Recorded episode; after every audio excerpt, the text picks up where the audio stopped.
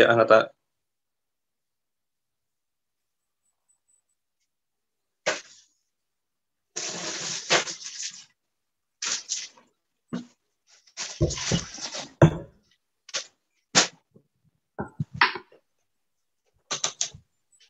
Lagi. Ya, Anata.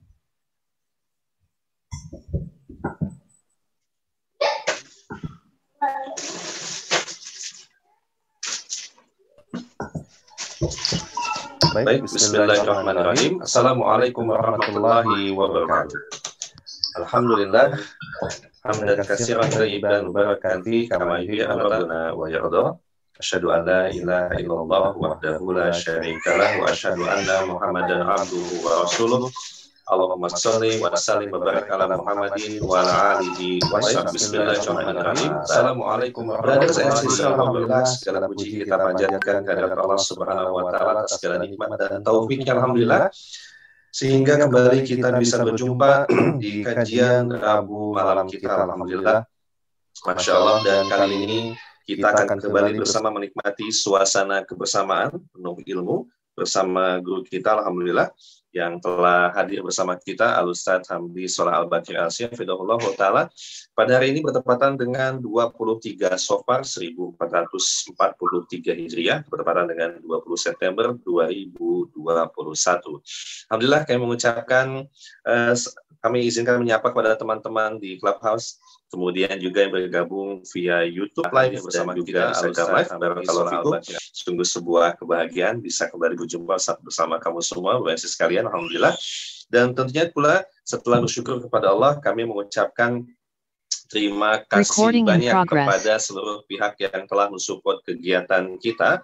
Kali ini kami mengucapkan terima kasih banyak kepada menuju Izzah sebuah platform pelatihan kemudian juga pelatihan dan juga pendampingan usaha, usaha skala up usaha kamu semua, masya Allah yang tentunya akan bersama-sama uh, bersama-sama kita belajar tentang bagaimana scale up usaha sesuai syariat. Dan tentunya pula saya ucapkan terima kasih banyak kepada sama sama Clothes, pada sama Istifran, Wardrobe yang nyaman digunakan untuk kegiatan sehari-hari maupun ibadah.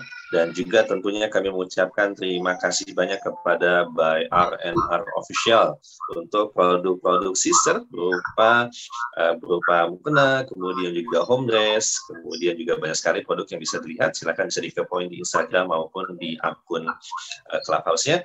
Dan juga kami mengucapkan terima kasih banyak kepada Mami Shine dengan produk homemade-nya nih, masya Allah ada minggu jelly dan sebagainya, masya Allah. Dan silakan dan seluruh teman-teman uh, support ini akan menyiapkan hadiah yang bisa didapatkan di akhir sesi nanti tentunya, masya Allah. Baik teman-teman sekalian, kita akan membahas sebuah tema tentang wipe out sapu bersih, masya Allah, membersihkan ya apa yang kita bahas. Namun sebelumnya kita akan coba sapa guru kita terlebih dahulu nih. Kami akan menyapa Al-Ustaz Hamdi Stolah Al-Bakri Alsi, Ta'ala. Assalamualaikum warahmatullahi wabarakatuh, Ustaz. Ahlan wa sahlan. Waalaikumsalam warahmatullahi wabarakatuh. Gimana Kak Alvin, sehat? Alhamdulillah, Ustaz. Alhamdulillah. Masya Allah. Baik, Alhamdulillah sebuah kebahagiaan Ustaz. Terima kasih banyak atas waktunya Ustaz. Baik, untuk di Clubhouse mungkin nanti bisa dibesarkan volumenya, insya Allah, atau mungkin mic-nya didekatkan, Ustaz. Baik, uh, Ustaz, kita akan coba membahas tentang wipe out, Ustaz. Bersihkan. Bersihkan apa sih ini, Ustaz? Ya mungkin nggak usah bahas kita ya, membahas uh, anak pribadi ya. Betapa saya, anak berupa merasakan begitu banyak dosa yang dilakukan, Ustaz terasa semangat beramal soleh saat bersama dengan teman-teman, sahabat-sahabat, tapi saat sendiri mulai datang, situlah mulai banyak sekali uh, godaan-godaan, bahkan maksiat-maksiat sengaja maupun tidak sengaja yang kita lakukan. Bahkan mungkin uh, sempat terasa, terasa nggak sih, Bu ketika kita melakukan maksiat dan terasa lelah, gua nggak bisa nih, kenapa jatuh lagi, kenapa jatuh lagi gitu ya banyak sekali peluang dosa, tapi kita tahu itu nggak boleh, tapi kemudian dilakukan. Kemudian berusaha meminta ampun lagi, tapi kok sampai merasa lelah gitu saja, merasa lelah. Tapi saat bertemu dengan teman, sahabat naik imannya. Saat ketika menjauh itu kemudian terasa lagi saat turun. Ini gimana saja? Apakah hal ini sebuah hal lumrah kita beralasan dengan manusia itu pada salah dan dosa. Tapi apakah iya gitu kita akan terus menerus melakukan kesalahan yang sama Ustaz? Mungkin Ustaz ada nasihat terkait hal ini Ustaz, kami silakan. Baik. Bismillahirrahmanirrahim. Assalamualaikum warahmatullahi wabarakatuh. Alhamdulillah wassalatu wassalamu ala Rasulillah wa ala alihi wa ashabihi wa mawalah wa la haula wa la quwata illa billah. Amma ba'd. Di antara fitrah yang Allah Subhanahu wa taala jadikan pada setiap manusia adalah bahwa setiap manusia itu pasti melakukan dosa. Ya. Jadi um, bahkan nenek moyang dari seluruh manusia yaitu Nabi Adam alaihi salam beliau juga melakukan sebuah dosa yang kemudian menyebabkan beliau dikeluarkan dari surga dan dipindahkan tempatnya ke bumi. Ya, sehingga tipikal manusia adalah suka berdosa. Dan beruntungnya adalah bahwa kita memiliki Tuhan yang memiliki nama Al-Ghaffar, Al-Ghafur, At-Tawwab, Al-Afu. Nama-nama Allah ini seluruhnya mengandung sifat dari Allah Subhanahu wa taala yang suka menghapuskan dosa-dosa hambanya yang melakukan dosa. Allah Subhanahu wa taala berfirman dalam surat Sad ayat 66, Rabbus samawati wal ardi wa ma bainahuma al-azizul ghaffar. Allah adalah Tuhan langit dan bumi dan Tuhan bagi seluruh penduduk yang ada di antara langit dan bumi Al-Azizul Ghaffar dan Allah adalah Al-Aziz yang maha perkasa Al-Ghaffar dan yang maha pengampun dosa. Ya, sehingga Allah Subhanahu wa taala mengampuni dosa-dosa hambanya. Dan tidak ada seorang hamba pun yang berdosa kemudian dosanya itu nggak bisa dihapus permanen, nggak ada yang seperti itu. Seluruh dosa yang dilakukan oleh seorang hamba itu pasti bisa dihapus dan bisa diperbaiki.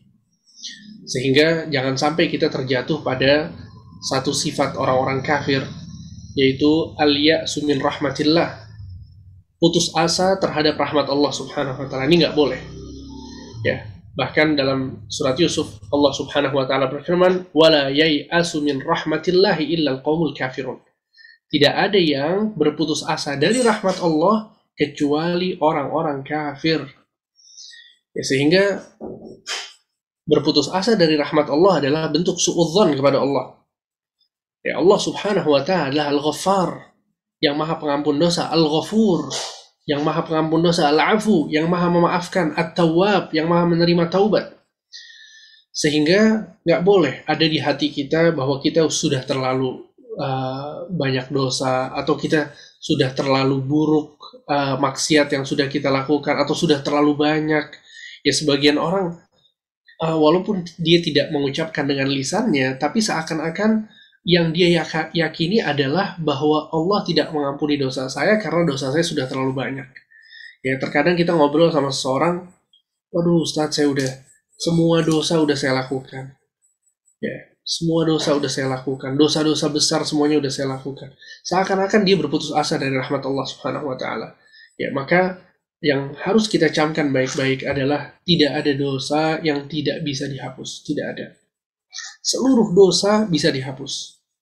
Ya.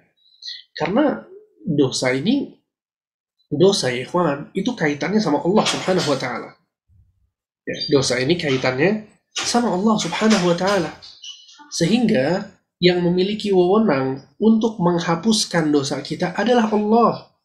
Dan ternyata Allah Subhanahu wa taala adalah Ar-Rahman, Ar-Rahim yang Maha Pengasih lagi Maha Penyayang.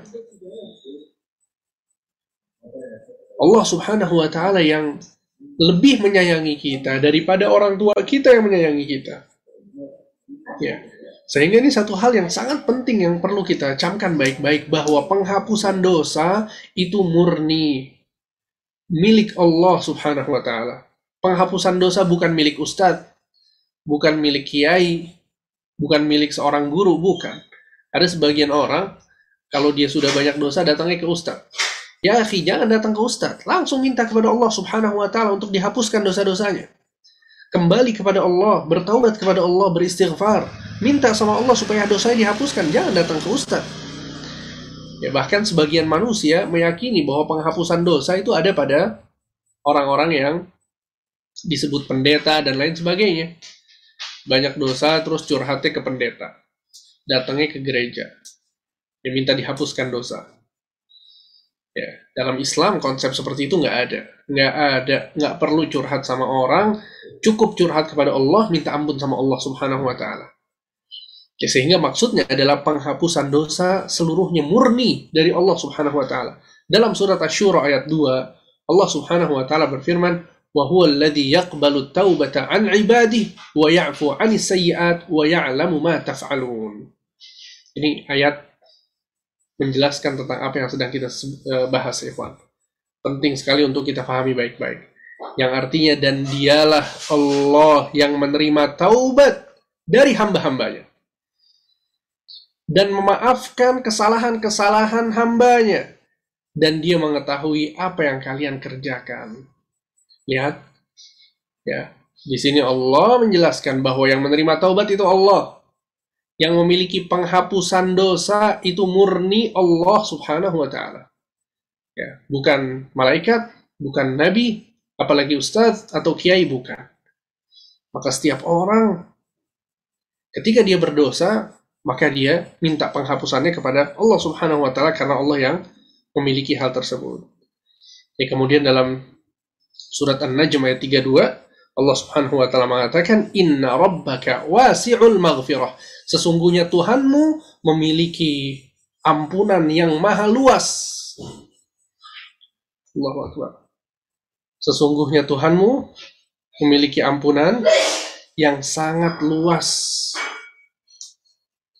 Ya. Dan ini memberikan harapan kepada kita. Dan Islam adalah agama yang paling sempurna dalam memberikan harapan kepada orang-orang yang berdosa.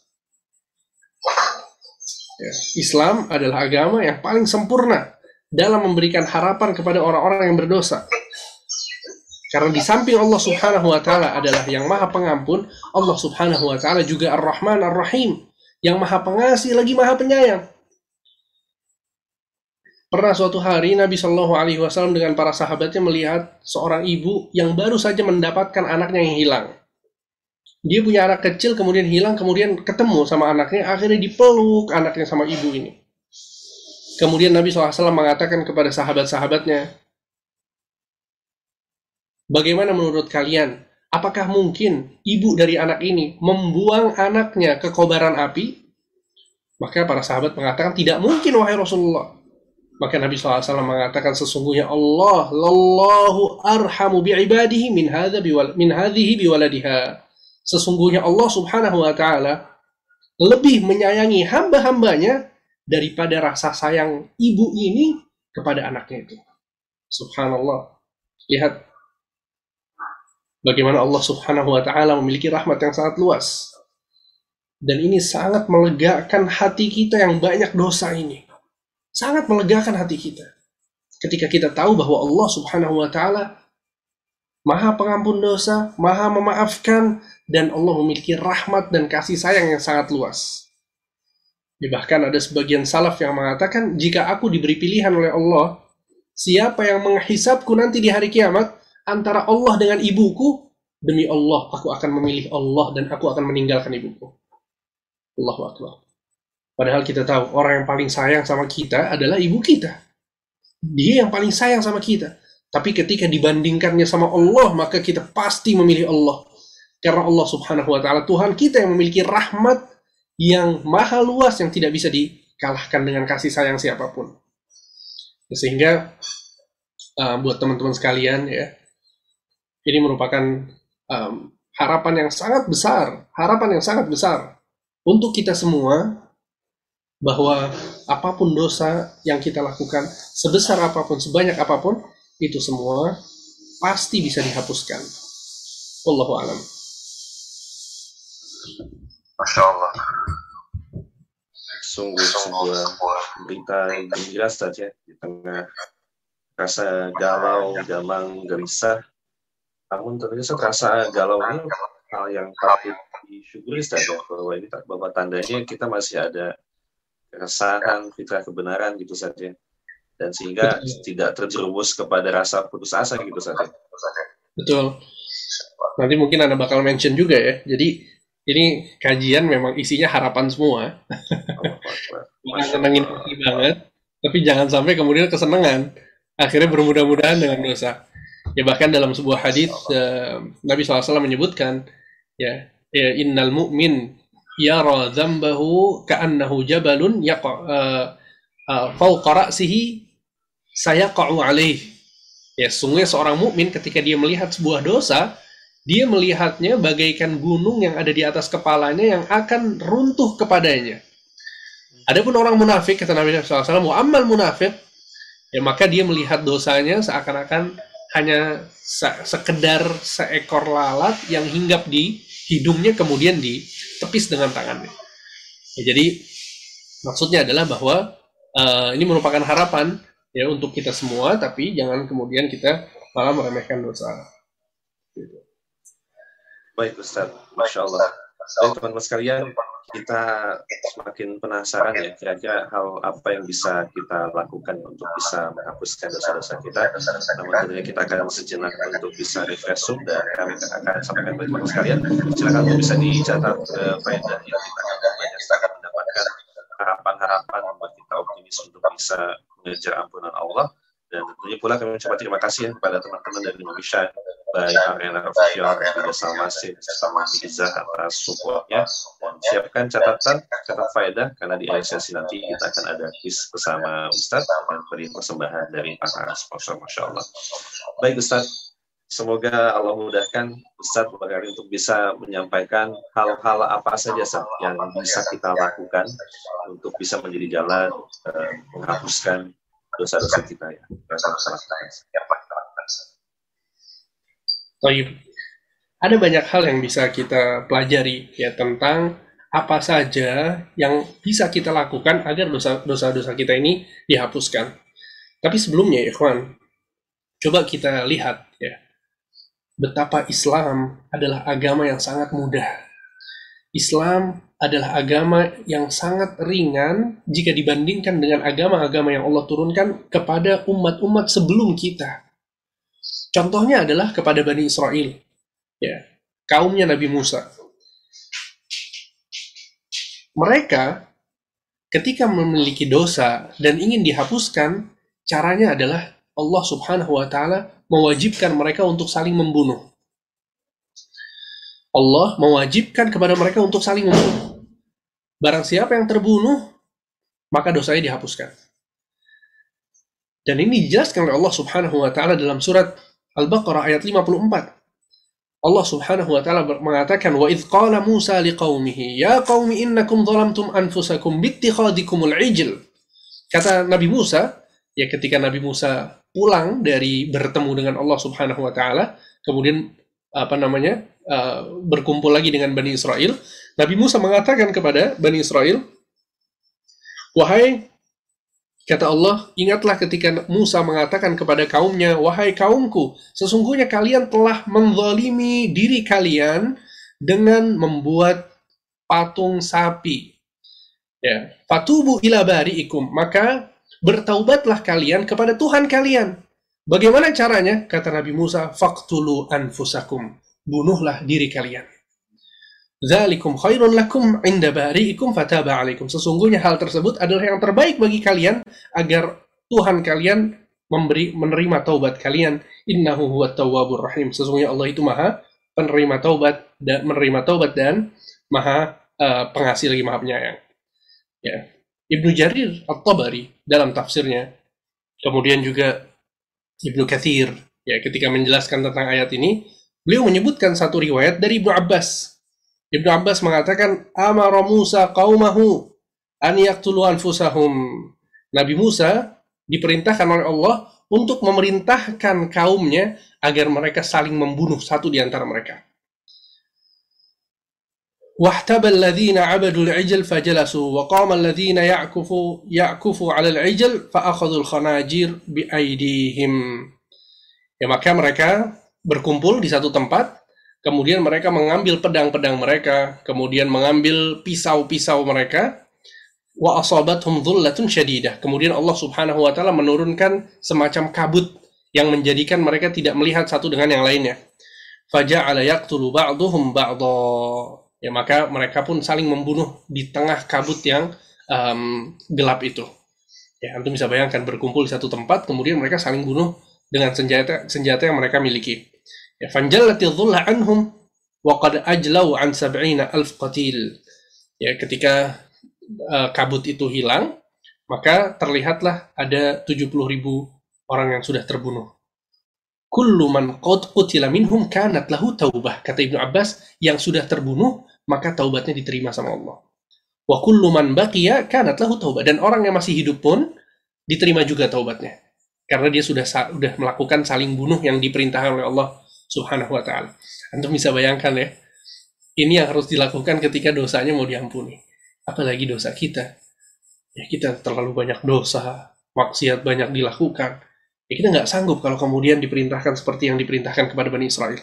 Akan tapi Alhamdulillah, ya Allah subhanahu wa ta'ala telah menjadikan ya, agama Islam ini lebih mudah, lebih ringan daripada agama-agama yang datang sebelumnya.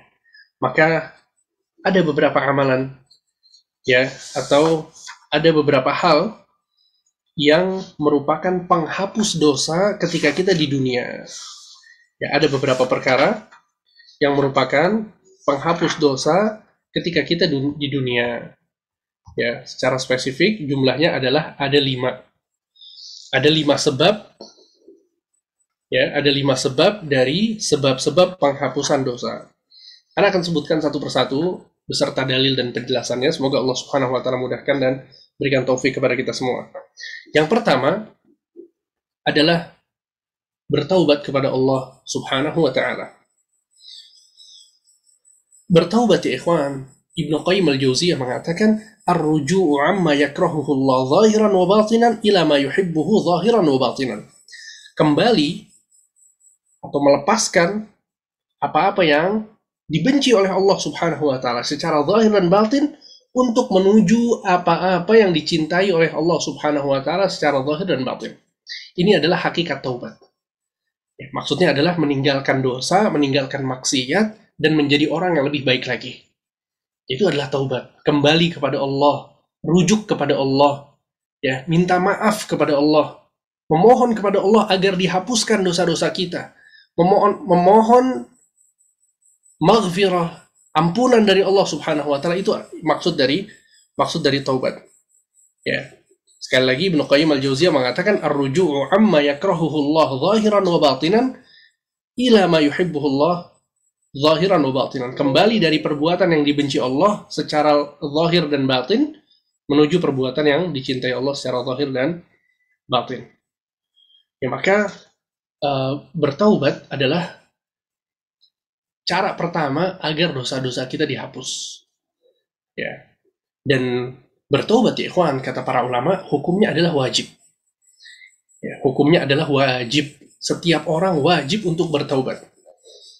Bahkan bukan cuma wajib bertaubat, tapi para ulama mengatakan seseorang wajib untuk bersegera dalam bertaubat. Ya, jadi di sini ada dua kewajiban. Pertama kewajiban untuk bertaubat dan yang kedua kewajiban untuk bersegera bertaubat. Jadi setiap kita berdosa itu wajib untuk langsung bertobat.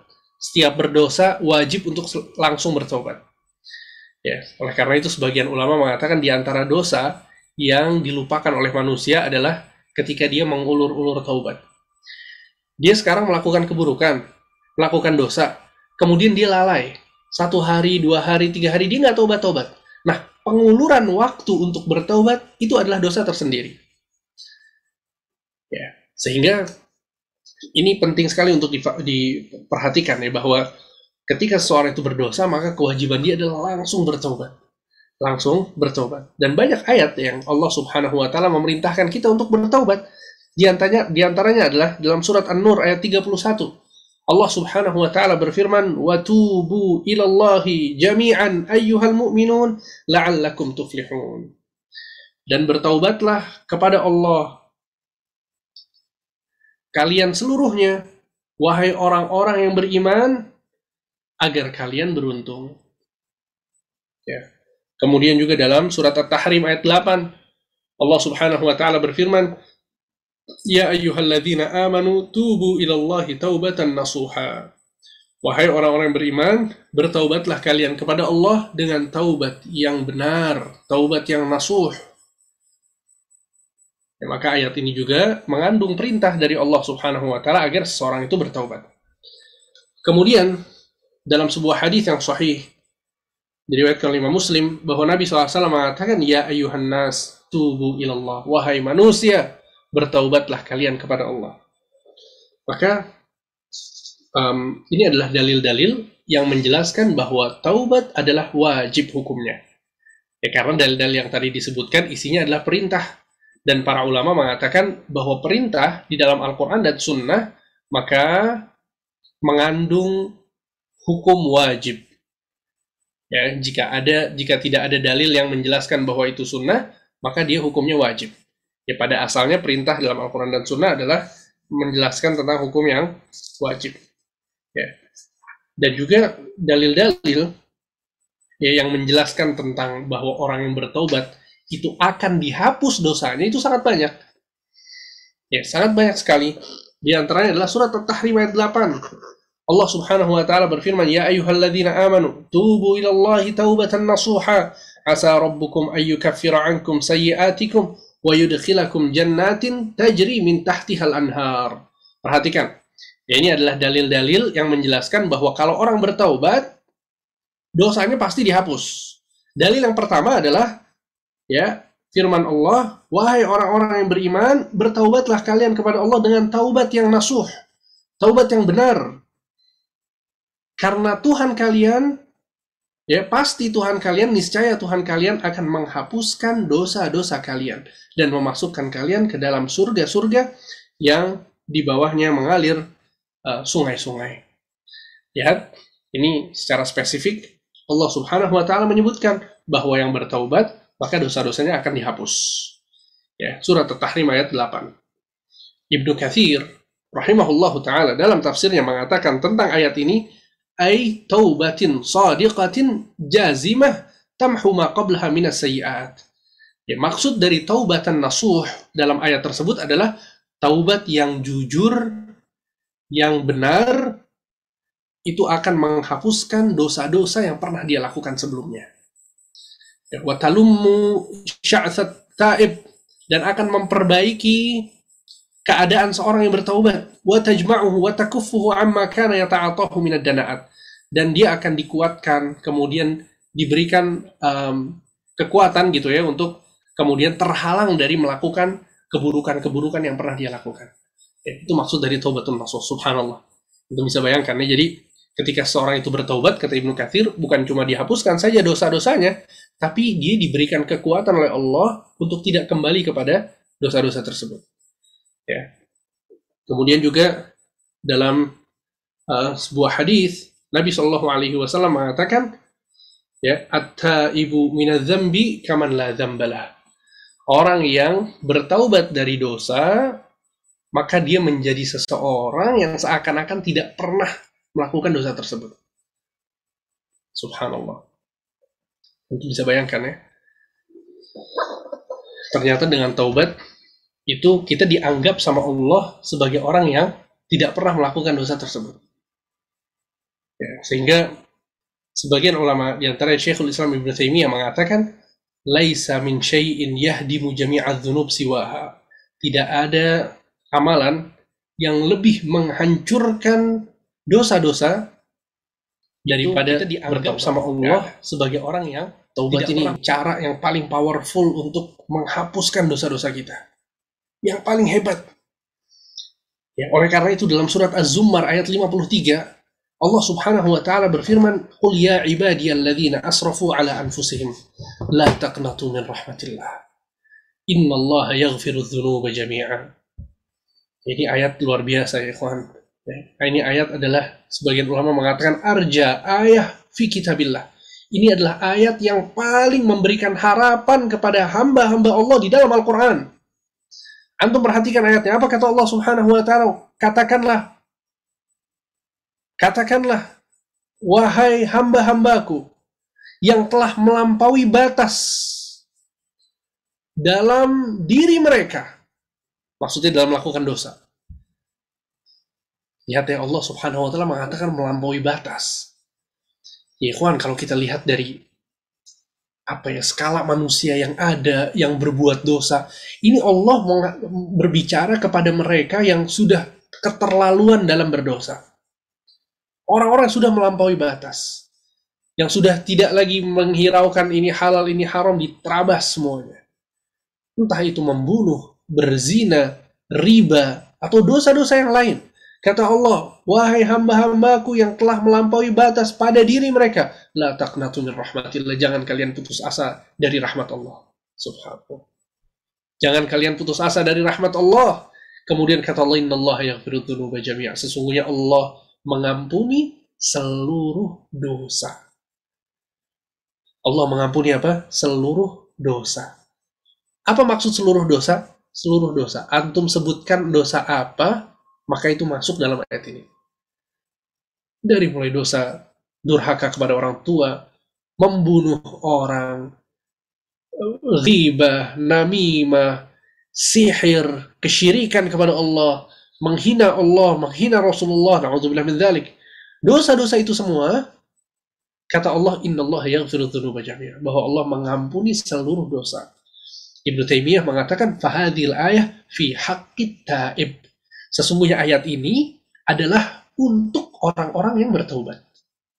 Subhanallah.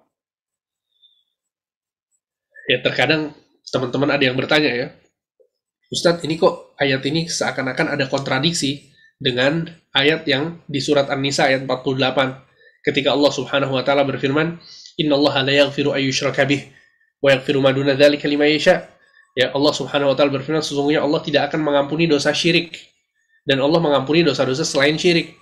Ya, di dalam surat An-Nisa ayat 48 Allah mengatakan tidak mengampuni dosa syirik. Tapi di surat Az-Zumar ayat 53 ini Allah mengatakan mengampuni seluruh dosa.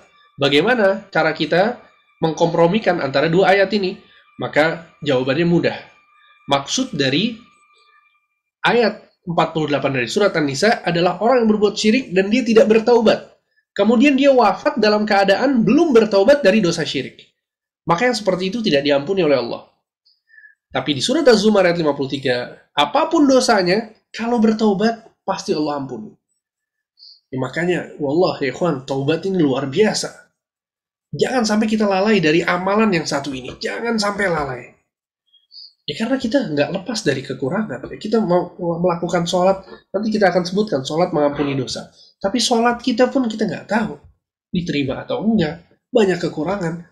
Sehingga bertobat adalah jalan keluar yang paling yang paling uh, spesial untuk kita lakukan.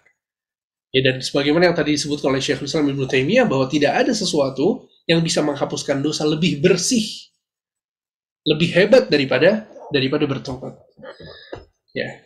Tapi yang perlu diperhatikan adalah bahwa penghapusan dosa yang luar biasa ini dari taubat itu tidak mungkin terjadi kecuali jika dilakukan syarat-syarat taubat.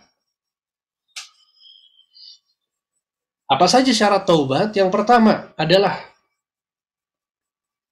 meninggalkan maksiat atau dosa yang kita sedang bertaubat darinya. Ya.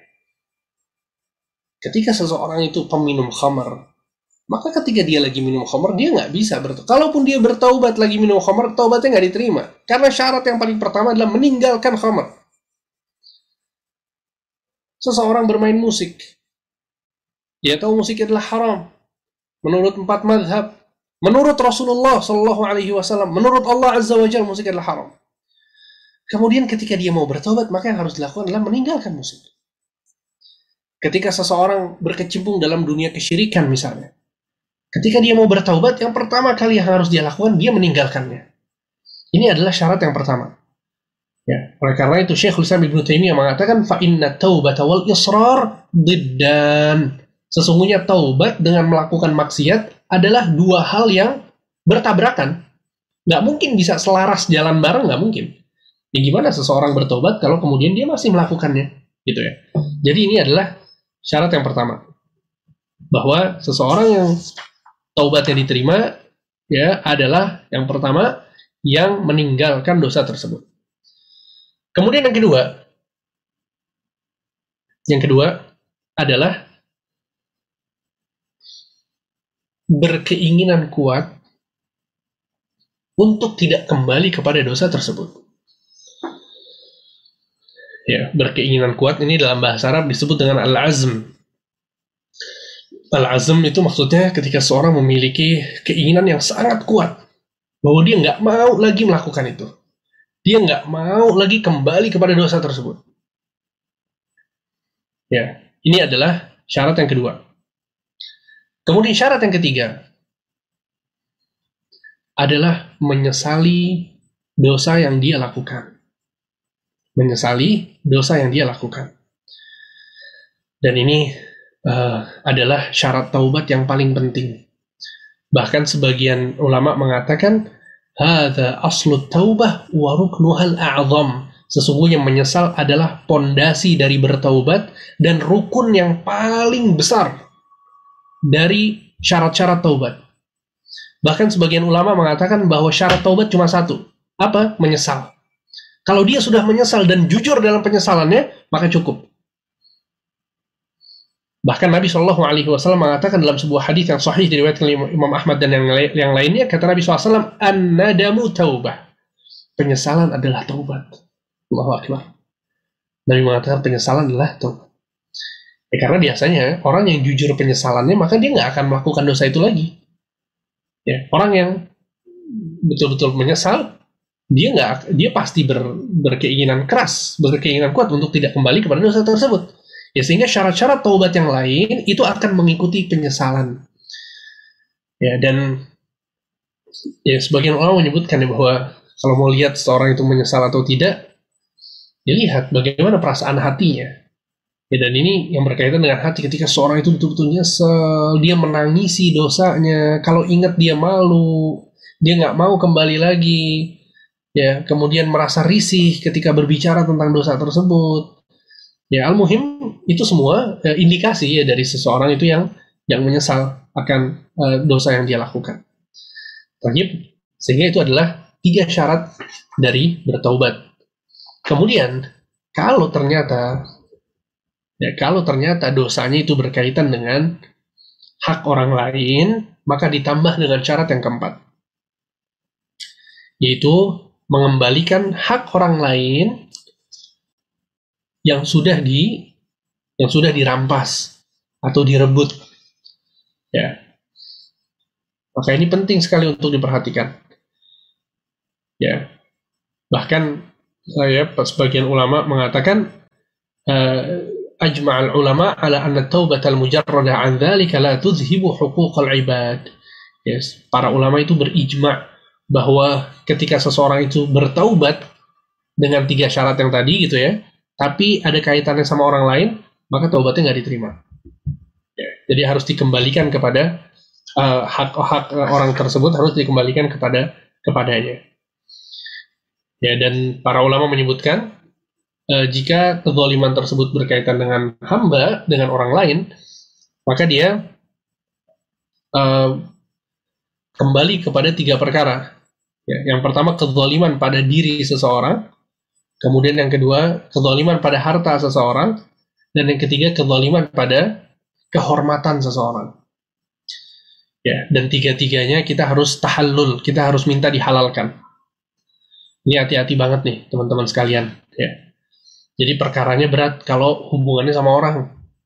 Kalau hubungannya sama Allah, ya maka kita eh, Allah Subhanahu wa taala Maha hidup. Allah Subhanahu wa taala Maha menerima taubat. Sehingga ketika kita bertobat kepada Allah sudah cukup. Tapi kalau sama orang lain, ini kita harus kembalikan haknya. Kita harus selesaikan perkara kita sama orang tersebut. Ya, kalau berkaitan dengan diri kita, maka kita datang, kita minta maaf ke diri orang tersebut, maka kita minta maaf kepadanya. Ya, kita minta maaf kepadanya kalau kemudian dia minta dikisos dan lain sebagainya maka ya sudah itu adalah bagian dari penghapusan dosa ya dan kalau berkaitan dengan harta maka hartanya harus dikembalikan hartanya harus dikembalikan Kalau orang yang sudah wafat, maka kita cari siapa ahli warisnya. Kita kembalikan kepada keluarganya. Kalau kemudian kita nggak tahu, nggak nggak ketemu sama uh, keluarganya pun, maka kita bersedekah atas nama atas nama orang tersebut. Ya, dan kalau berkaitan dengan kehormatan, kalau berkaitan dengan kehormatan seperti suka menghibah, mencela, mencaci, ya khususnya menghibah, maka ada khilaf di kalangan para ulama. Apa yang harus dilakukan oleh seseorang yang terjatuh pada dosa ghibah? Sebagian ulama mengatakan bahwa dia harus datang kepada orang tersebut dan meminta maaf atas ghibah yang ia lakukan kepada orang tersebut. Ini adalah pendapat yang pertama. Kemudian pendapat yang kedua adalah bahwa kita tidak perlu mendatangi orang tersebut. Kenapa? Karena itu akan menimbulkan mafsadat yang lebih besar. Ada irolus sudur di situ. Yang menjadikan hati seseorang itu dengan, apa membenci kepada orang yang menghibahnya. Yang tadinya nggak ketahuan, katakanlah begitu ya. Kemudian ketika dia minta maaf, mengaku bahwa dia pernah menghibah, maka ini akan justru um, apa namanya menuai um, pertikaian ya antara dua orang tersebut. Ya maka yang harus dilakukan ketika seseorang itu berbuat dosa terhadap kehormatan orang lain dengan menghibah, yang pertama yang harus dilakukan adalah dia bertobat kepada Allah. Karena dia telah melanggar perintah Allah untuk tidak melakukan ghibah dan ghibah adalah dosa besar. Ya, sebagaimana yang sudah kita bahas panjang lebar ya pada beberapa minggu yang lalu. Itu yang pertama, bertobat kepada Allah. Kemudian yang kedua, menyebutkan kebaikan orang yang pernah kita ghibah di majlis kita menggibahi orang tersebut. Kalau kita kumpul sama si fulan, si fulan, si fulan, untuk ngomongin si uh, teman kita ini yang kita ghibah, maka ketika kita duduk sama mereka lagi, kita rubah ghibahnya dengan memuji orang tersebut. Ya, kita sebut kebaikan-kebaikannya Tayyib sehingga ini menjadi pengganti dari ghibah yang pernah dilakukan. Ya, kemudian yang ketiga adalah beristighfar, memintakan ampun kepada Allah untuk orang yang kita ribahi sesuai dengan kadar ribah yang kita lakukan. Ya, ini yang disebutkan oleh Syekhul Islam Ibn Taimiyah dalam Majmu' Fatawa. Tayyib. Ya, sehingga ini adalah um, empat syarat taubat. Yang tiga adalah khusus dosa yang berkaitan antara kita dengan Allah dan um, yang ditambah dengan yang keempat jika kemudian dosa itu berkaitan dengan orang lain. Kemudian ya ikhwan, sebagian ulama menyebutkan tambahan syarat menjadi syarat yang kelima yaitu ikhlas untuk Allah Subhanahu wa taala ketika bertobat.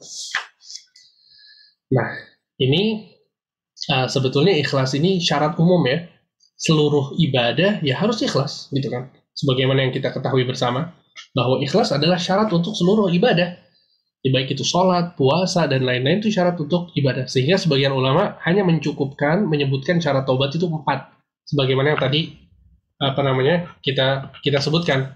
Ya tapi sebagian ulama enggak menambahkan syarat ikhlas. Bahwa syarat taubat itu ada lima. Di antaranya adalah ikhlas. Kenapa demikian? Karena ternyata ada fenomena di eh, orang-orang uh, yang bertaubat ini yang mengatakan mereka bertaubat ternyata mereka bertaubatnya bukan karena Allah dan ini terjadi ikhwan ya, dan jangan sampai kita terjatuh pada pada kesalahan fatal yang satu ini ya, jadi sebagian orang itu taubatnya bukan karena Allah nggak ikhlas dalam bertaubat ya dia bisnis atau dia punya transaksi pakai transaksi riba Subhanallah akhirnya dia bangkrut. Gara-gara apa? Gara-gara riba. Akhirnya dia bilang gara-gara riba saya jadi bangkrut. Ya udah saya tinggalkan riba sekarang. Kemudian dia bertransaksi dengan transaksi yang halal. Dia meninggalkan riba bukan karena Allah, tapi karena dia bangkrut. Akhirnya dia untuk mendapatkan dunia yang lebih baik, pikiran dia, oh berarti harus meninggalkan riba. Paham antum bedanya ya? Beda halnya dengan orang yang mengetahui bahwa ini adalah dosa, ini dilarang oleh Allah Subhanahu wa taala. Ya, sehingga um, Syekhul Islam Ibn Taimiyah afwan atau Al-Qurtubi mengatakan Al-Imam Al-Qurtubi dalam kitabnya Al-Mufhim mengatakan qad yandamu wa yaqla wa ya'zim wa la yakunu ta'iban syar'an. Ya, ada sebagian orang yang dia menyesal, dia tidak lagi berbuat dosa tersebut, dia berkeinginan keras untuk tidak kembali Ya, tapi dia bukan seseorang yang bertaubat secara syariat. Kenapa? Idh qad yaf'alu dzalika syuhhan 'ala malih aw li'alla yu'ayyiruhu nas. Bisa jadi dia melakukan hal tersebut karena dia pelit dengan hartanya. Seperti contoh yang Anda sebutkan tadi. Ya. Li'alla yu'ayyiruhu nas atau bisa jadi dia karena takut sama celaan manusia. Ya, jadi dia biasa berzina, kemudian bikin malu keluarga. Akhirnya keluarga dimarahin sama keluarganya. Akhirnya dia nggak melakukannya lagi. Betul-betul nyesel, dia nggak mau kembali lagi, dia tidak melakukannya lagi. Ya, tapi alasannya apa?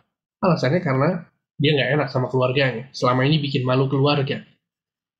Dan dia nggak terbesit untuk bertobat kepada Allah. Nggak terbesit untuk ikhlas kepada Allah subhanahu wa ta'ala. Maka yang seperti ini, taubatnya tidak di, tidak diterima ya percuma dia.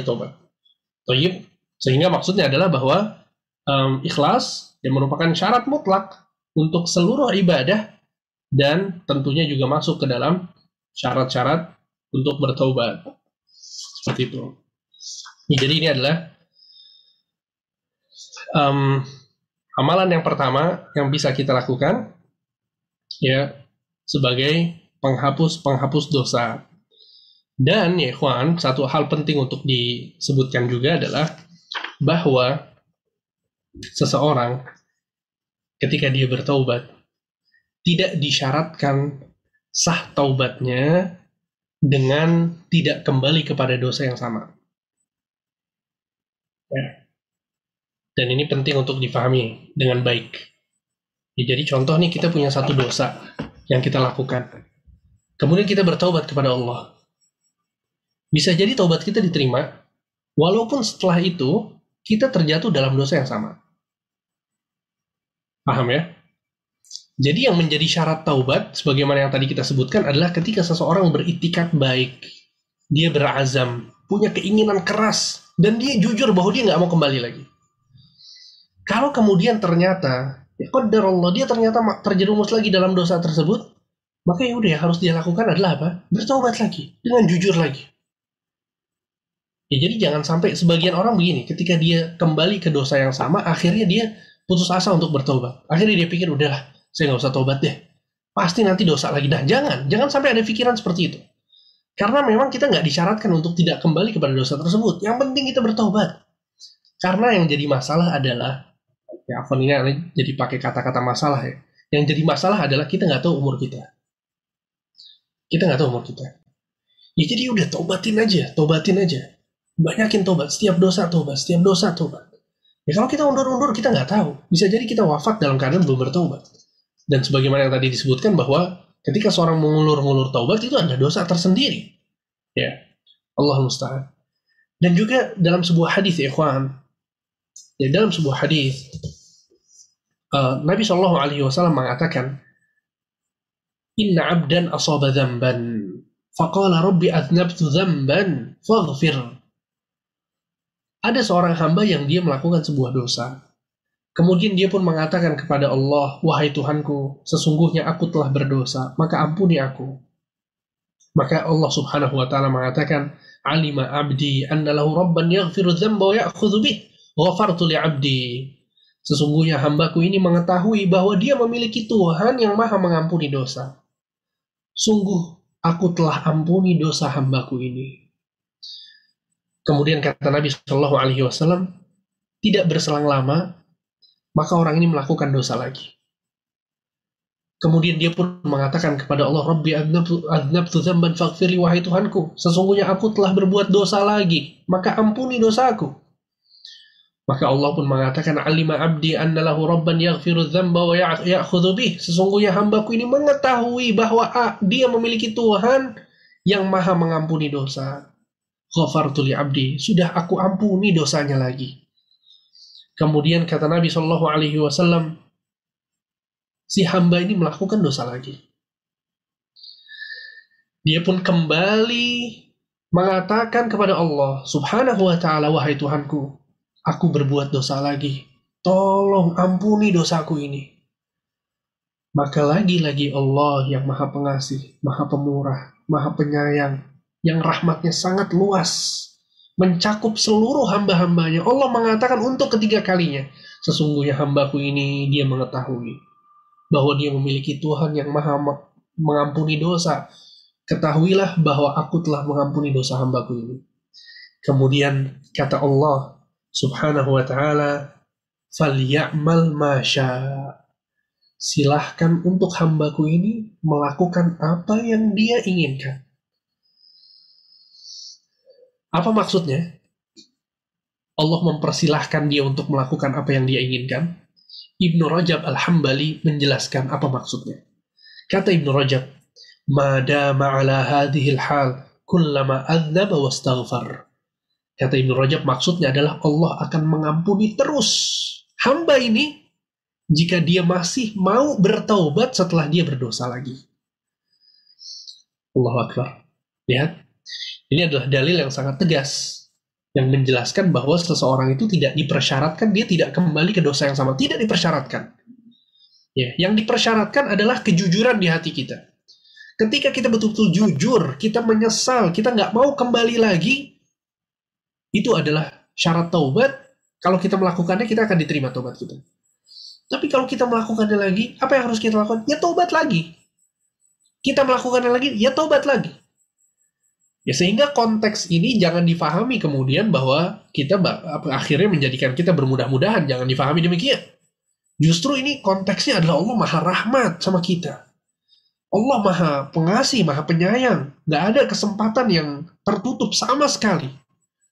Nabi Shallallahu Alaihi Wasallam mengatakan, "Yakbalullahu taubatal abdi malam yugharghir."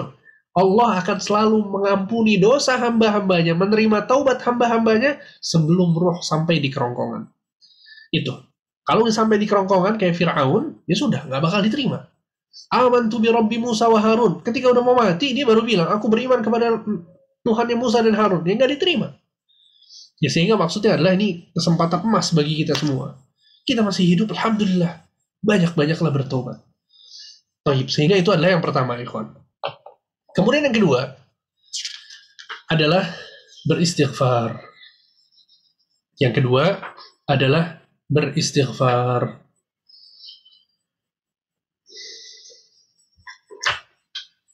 Beristighfar, ikhwan, artinya adalah tolabul maghfirati wa su'aluha. Memohon ampunan dan berdoa kepada Allah Subhanahu wa taala untuk diampuni. Itu adalah istighfar. Ya.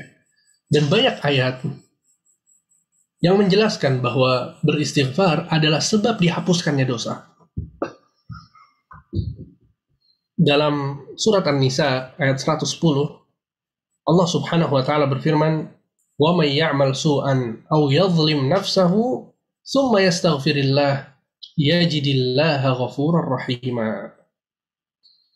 Kata Allah Subhanahu wa taala barang siapa yang berbuat dosa atau menzalimi dirinya sendiri, kemudian dia beristighfar kepada Allah, maka dia akan mendapatkan Allah Maha Pengampun lagi Maha Penyayang. Ya, sehingga secara spesifik dalam surat An-Nisa ayat 110 di sini Allah Subhanahu wa taala menyebutkan istighfar. Meminta berdoa kepada Allah untuk diampuni dosanya. Kemudian dalam surat Al-Imran ayat 135. Allah Subhanahu wa taala berfirman, "Walladzina idza fa'alu fahishatan aw dhalamu anfusahum dzakarullaha fastaghfaru lidzunubihim wa may yaghfiru dzunuba illallah." Mereka adalah orang-orang yang jika berbuat kekejian ya, atau dosa atau menzalimi diri mereka sendiri, maka mereka mengingat Allah dan beristighfar, memohon ampun dari dosa-dosa yang mereka lakukan. Wa illallah dan siapa lagi yang mengampuni dosa-dosa kecuali Allah Subhanahu wa taala. Ya, kemudian juga dalam surat Nuh ayat 10 Allah berfirman, "Faqultu astaghfiru rabbakum innahu kana ghaffara." Aku katakan kepada mereka, beristighfarlah kalian kepada Tuhan kalian, sesungguhnya Ia Ia sesungguhnya Ia adalah yang Maha pengampun dosa. Ya sehingga ini adalah maksud dari istighfar. Ya, jadi um, istighfar itu adalah doa, ya doa agar dosa kita diampuni. Berbeda dengan taubat. Kalau taubat itu amalan hati. Ya, taubat itu amalan hati. Kalau istighfar itu amalan lisan.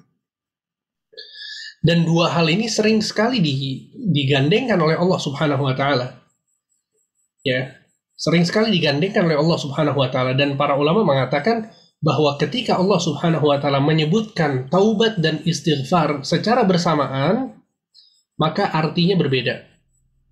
Istighfar itu amalan lisan, berdoa, berdoa, ya. Adapun taubat maka amalan hati. Ketika dia rujuk kepada Allah, dia menyesal, dia nggak mau kembali lagi, ya. Kemudian dia meninggalkan dosa yang pernah dia lakukan dia dengan syarat-syarat yang tadi kita sebutkan. Itu maksudnya taubat. Jadi taubat ini lebih dalam artinya daripada sekedar istighfar. Jadi istighfar itu amal soleh dia doa ya tapi taubat itu lebih dalam lagi.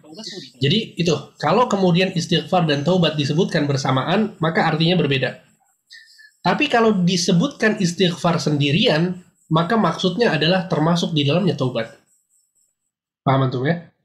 Termasuk di dalamnya taubat. Contohnya ya yang disebutkan bersamaan dalam surat Hud ayat 90 Allah berfirman wastaghfiru rabbakum thumma tubu ilaih. Inna rabbi rahimun wadud. Dan beristighfarlah kalian kepada Allah, kemudian bertaubatlah kepadanya. Ya, diperintahkan untuk, untuk istighfar dan bertaubat. Jadi maksud istighfar di sini berdoa, bertaubat adalah ya amalan hati dengan rujuk kepada Allah Subhanahu wa taala. Kemudian dalam surat Al-Maidah ayat 74 Allah Subhanahu wa taala berfirman, "Afala yatubuna ilallahi wa yastaghfiruna?" Tidakkah mereka bertaubat kepada Allah dan beristighfar kepadanya? Ya sehingga disebutkan istighfar dan taubat dalam satu konteks. Ya, kemudian juga dalam sebuah hadis Nabi SAW mengatakan, Wallahi inni la astaghfirullah wa atubu ilaihi fil yaumi akthar min sab'ina marrah. Sungguhnya aku beristighfar, kata Nabi, kepada Allah dan bertaubat kepadanya pada satu hari lebih dari 70 kali. Ya, sehingga maksudnya adalah ketika disebutkan berbarengan, maka istighfar adalah minta ampun, berdoa kepada Allah dengan lisan, dan taubat adalah meninggalkan dosa dengan dengan hati. Ya. Dengan hati. Taib dan uh, banyak ya perkataan ulama yang menjelaskan tentang hal ini. Ya sehingga um, istighfar itu taubat. Ya istighfar itu taubat. Um, Ibnu Rajab mengatakan fa'afdalul istighfar maqtarana bihi tarkul israr hina idin taubatun nasuh. Kalau seseorang itu beristighfar astagfirullahaladzim, astagfirullahaladzim, ya, minta ampun sama Allah dengan lisannya, kemudian ketika dia beristighfar, dia meninggalkan dosa-dosanya, maka yang seperti ini dinamakan juga dengan taubat. Paham antum ya? Karena ternyata bukan cuma dengan lisan, tapi dia juga meninggalkan taubat, bahkan syarat-syarat taubat dia lakukan. Ya maka istighfar yang seperti ini dikatakan juga sebagai sebagai taubat. Ya, wa in qala bilisani astaghfirullah wa huwa ghairu muqli' biqalbi fahuwa da'in lillah bil maghfirah. Kemudian kata Ibnu Rajab, tapi kalau seseorang itu beristighfar dengan lisannya astagfirullahaladzim, astagfirullahaladzim, tapi dia suka masih suka berdosa, paham antum ya? Dia masih berdosa, tapi dia istighfar astagfirullah, maka kata Ibnu Rajab, orang ini berarti sedang berdoa kepada Allah, bukan lagi taubat ya. Dia sedang bertaubat. Ya. Kama yaqul Allahumma gfirli wa huwa hasanun wa qad yurjalahul ijabah. Dan ini sesuatu yang baik. Ya semoga Allah Subhanahu wa taala memberikan jawab apa namanya mengijabah doanya tersebut. Ya. Sehingga ini semoga bisa dipahami ya. Jadi beda antara istighfar itu sama taubat. Jadi istighfar itu ya kita seorang itu ketika dia berdoa kepada Allah, astagfirullah, astagfirullah, astagfirullah. Ya kata Ibnu, Ibnu Rajab, ya uh, kalau dia meninggalkan dosanya, menyesal dan lain-lain, syarat taubat yang tadi disebutkan, maka orang ini dikatakan beristighfar dan bertobat. Tapi kalau dia tidak melakukan syarat-syarat taubat tadi, tapi dia tetap mengucapkan istighfar, maka dikatakan bahwa dia sedang berdoa kepada Allah. Semoga diijabah doanya. Ya. Oleh karena itu, uh, Eh, kemudian Ibnu Rajab juga mengatakan, tapi yang perlu diperhatikan adalah bisa jadi karena dia masih melakukan dosa, ya doa yang dia panjatkan itu malah tidak dikabulkan oleh Allah Subhanahu Wa Taala. Ya, jadi harus diperhatikan juga. Jangan kemudian istighfar malah terus berdosa. Ya, bisa jadi istighfarnya nggak diterima sama Allah, ya nggak dijawab sama Allah. Sebabnya apa? Karena dia terus menerus melakukan melakukan dosa. Ya, seperti itu. Taib. Um, mungkin untuk pembahasan yang lainnya kayaknya kita undur aja, Kang. Masih banyak pembahasan sebetulnya, Ikhwan. Tapi semoga Allah Subhanahu wa taala mudahkan nanti kita buat sesi yang kedua mungkin ya. Karena masih banyak hal yang bisa kita bahas. Ya. Allahu alam. Semoga apa yang disampaikan bermanfaat. Sallallahu ala nabi Muhammad wa ala alihi wa sahbihi ajma'in. Masya Allah, Masya Allah. sebuah harapan telah sampai kepada kita ya betapa Allah maha menerima dan permohonan ampun kita. Masya Allah jadi sungguh apa ya sungguh di sebuah harapan saja buat kita semua untuk bisa sungguh-sungguh bisa memohon ampun kemudian menjaga amal soleh. Kalaupun terjerumus kembali dari mohon ampun terus saja masya Allah. Tapi saat sebelum kita uh, membuka ke sesi soal jawab saja ini sebuah tantangan juga saja untuk berlaku ketengahan menjaga amalan hati yang kita sebutkan antara tidak berputus asa tetap berharap kepada Allah tetapi juga tidak pula menjadi meremehkan saja. Itu gimana saja untuk bisa menjaga agar tetap berada di tengah-tengah gimana saja betul. Jadi um, yang jadi masalah adalah bahwa seseorang itu nggak ada yang tahu bahwa dia tobatnya diterima sama Allah. Ah, kita nggak ada yang tahu. Atau tahu di Nabi Shallallahu Alaihi Wasallam juga memperhatikan tentang hal ini. Jadi kalau kita lihat nih ya, ada dua ada dua golongan yang ekstrim, kemudian ada golongan pertengahan. Yang ekstrim adalah ketika dia terlalu banyak baca uh, ayat-ayat dan hadis-hadis yang isinya adalah ancaman, sehingga dia ketakutannya berlebih nggak seimbang hatinya. Terlalu takut sama Allah terlalu takut dosa sampai nggak bisa tidur sampai berlebihan. Ada lagi yang berlebihan sama rahmat Allah. Dia nggak pernah baca azab nggak pernah baca hukuman-hukuman Allah di neraka. Tapi yang dia baca adalah rahmat Allah ampunan Allah. Ini juga nggak bagus ya. Akhirnya dia malah lalai. Tapi seseorang itu harus pertengahan. Ya oleh karena itu para ulama mengatakan bahwa al khawf dan roja itu bagaikan dua sayap burung. Ya, yang satu sayap adalah khauf, rasa takut dia, dan yang satu lagi adalah rasa harap dia. Ya, oleh karena itu dalam sebuah ayat Allah Subhanahu wa taala mengatakan ulaikal ladina um, mereka adalah nabi ketika Allah Subhanahu wa taala ketika menyebutkan tentang sifat para nabi ya Allah mengatakan uh, yarjuna rahmatahu wa yakhafuna adzabah mereka adalah orang-orang yang um, berharap kepada rahmat Allah dan takut kepada azabnya. Jadi di satu waktu kita berharap, tapi di satu waktu juga kita di waktu yang sama juga kita takut. Antum perhatikan ya, Anda sebutkan satu hadis yang menjelaskan tentang hal ini. Nabi Shallallahu Alaihi Wasallam mengatakan dalam sebuah hadis bahwa Utsman bin Affan mengatakan, "Ra'aitu Nabi SAW tawaddu'a wa huwa fi hadzal majlis fa ahsan wudu." Aku pernah melihat Nabi Shallallahu alaihi wasallam berwudu di tempat ini dan beliau menyempurnakan wudunya. Kemudian setelah berwudu, Nabi mengatakan, Nabi mengatakan, "Man tawaddu'a mithla hadzal wudu." Barang siapa yang berwudu dengan apa seperti wudu yang aku lakukan. Summa atal masjid faraka rakaatin summa jalas. Kemudian dia pergi ke masjid, sholat dua rakaat, kemudian duduk. Maka dosa-dosa yang pernah dia lakukan akan diampuni oleh Allah. Lihat, Nabi memberikan harapan. Kemudian kata anak uh, Utsman bin Affan setelah Nabi mengucapkan hadis tersebut, Nabi mengatakan, La taghtarru. Jangan kalian tertipu. Subhanallah. Bayangkan.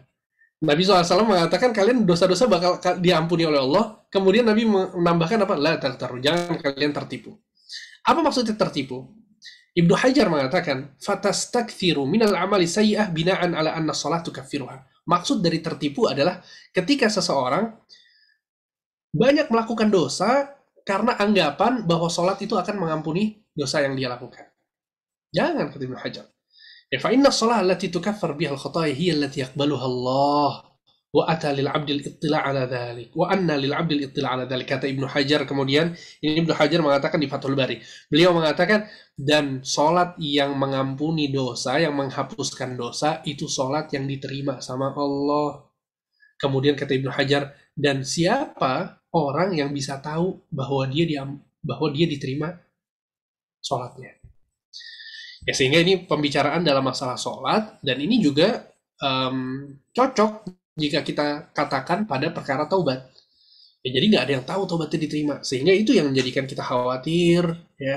Kemudian kita terus e, berusaha menjadi lebih baik, bertaubatnya nggak putus-putus, mencoba terus seperti itu.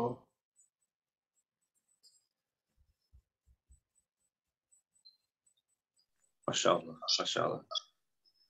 Jadi memang semua itu ada kadarnya saja. Bagaimana ketika yang terlalu meremehkan diberikan ancaman, kemudian juga yang terlalu kepedean juga sama saja. Pun yang terlalu terlampau berputus asa, Allah berikan harapan saja. Kita teringat saat tadi Ustaz menyampaikan tentang permohonan ampun Allah terima, Allah terima, karena sempat terlihat sempat terlintas tentang itu saat yang hadis e, bermaksiat saat sendiri saja.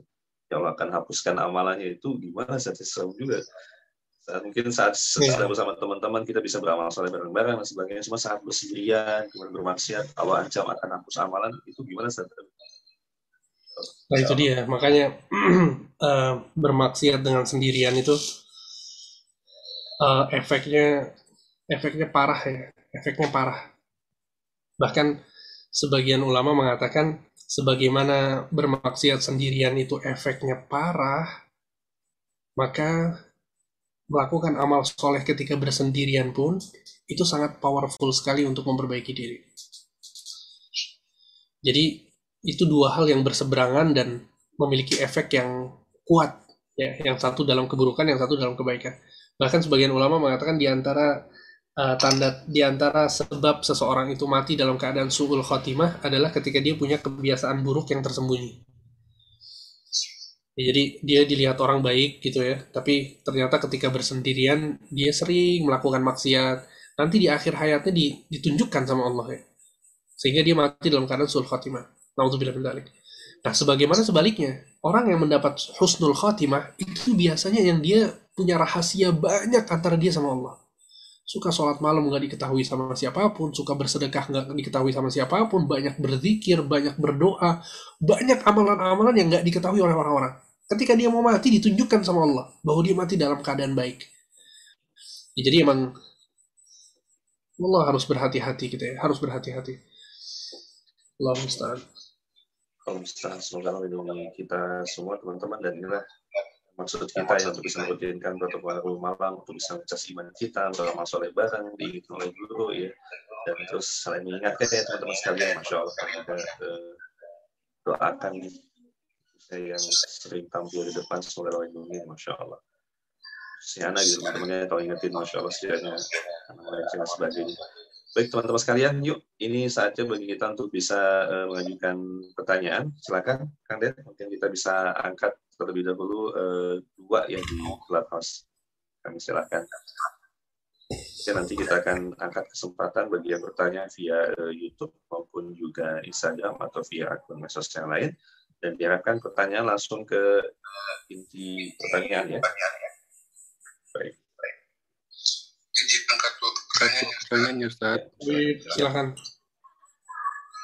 Dan juga kami mengucapkan terima kasih ya kembali kepada seluruh teman-teman telah support. Terima kasih banyak kepada sama saya pada sama saya dan juga by RN Official yang Mishan dan juga menuju Iza. Baik, bagi yang telah diberikan invite untuk speak, silakan untuk bisa accept ya. Silakan bergabung di stage uh, virtual. Dan juga jangan lupa teman-teman sekalian, teman-teman bisa bantu untuk bisa men-screenshot kegiatan kita dan juga men-sharekan ya di akun sosial teman-teman sekalian bahwa kajian kita kita akan mencoba merutinkan ya setiap Rabu malam. Baiklah ada Mbak Dewi, silakan Mbak Dewi langsung ke inti pertanyaan. Assalamualaikum warahmatullahi wabarakatuh. Assalamualaikum warahmatullahi wabarakatuh. Ustaz, saya mau nanya. jadi gini, uh, kalau kita sebagai muslim, apalagi kita sudah sebagai penuntut ilmu, seandainya kita pergi ke ke kafe ya, atau ke tempat ngopi, tapi di situ ada alkoholnya, uh, apakah itu diperbolehkan? Pertama Ustaz. Nah, terus kedua, uh, tapi niat kita kan untuk ngopi. Kedua, kalau misalkan kita berkunjung ke rumah teman, saudara, atau kerabat, tetapi ternyata di rumah itu mereka memproduksi minuman keras, Ustaz. Apakah kita juga dilarang untuk datang ke rumah tersebut, Ustaz? Barakallahu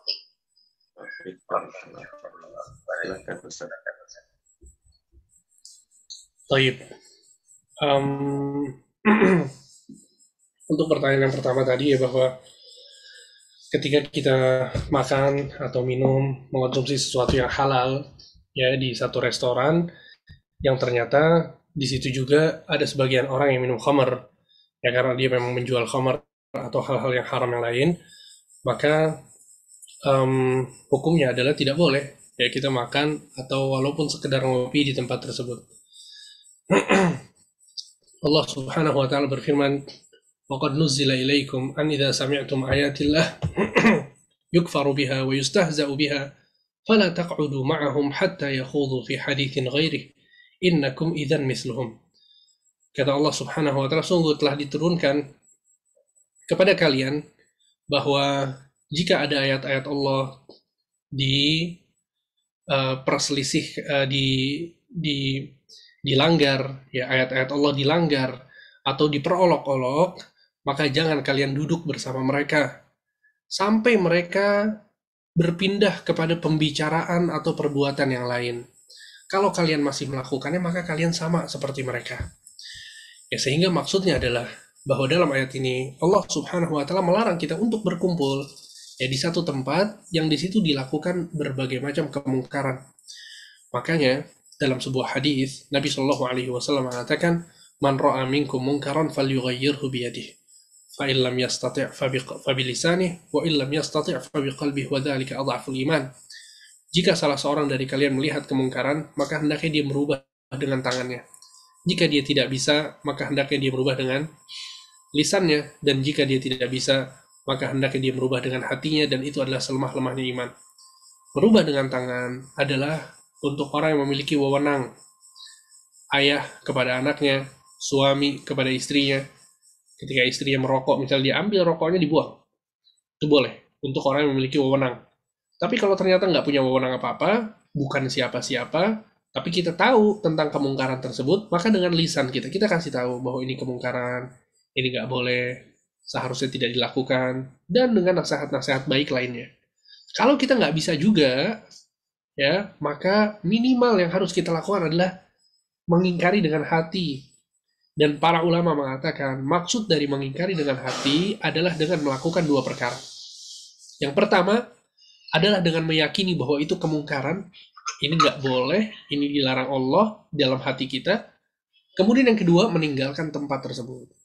Yang kedua, meninggalkan tempat tersebut. Ya sehingga uh, jangan ya uh, kita makan di tempat-tempat tersebut. Dan hal ini pernah ya mendengar langsung dari seorang syekh ketika ditanya. Ya, jadi Ana punya teman dia tinggal di negeri negeri kafir. Dia bilang saya masuk saya suka beli makanan di diskotik dia bilang. Ya jadi kayak semacam klub malam yang jual macam-macam tapi makanannya enak katanya. Jadi dia masuk ke situ cuma makan kemudian keluar lagi. Nanya ke Syekh gimana? Kata Syekh nggak boleh. Ya nggak boleh karena di situ banyak kemungkaran di tempat tersebut. Bagaimana mungkin kita ridho? Ya kita di satu tempat yang uh, ada kemungkaran apalagi kemungkaran kemungkaran besar ya seperti minum khamar dan lain sebagainya Toyib um, sehingga ya kita jauhi Kemudian tadi yang kedua, um, kalau kemudian uh, apa namanya kita bisa ya mengunjungi mereka di tempat yang lain, maka itu yang lebih baik. Itu yang lebih baik. Tapi kalau Allah alam ya, kalau keadaannya adalah dia memang saudara kita yang harus kita jalin silaturahminya, maka nasihat anak adalah tetap datang ke rumahnya nggak masalah, tapi sambil mengingkari kemungkaran tersebut. Ya, sambil mengingkari kemungkaran tersebut. Sebagian ulama uh, apa namanya ngasih masukan ya kepada kita Jadi ada yang pernah ditanya bahwa, wahai Syekh, ini anak mau hadir di satu pernikahan, tapi pernikahan itu ada musiknya. Apa yang harus saya lakukan? Tapi kayaknya saya harus datang. Kata Syekh, nggak apa-apa kamu datang, tapi kamu ngomongin sambil nasehatin.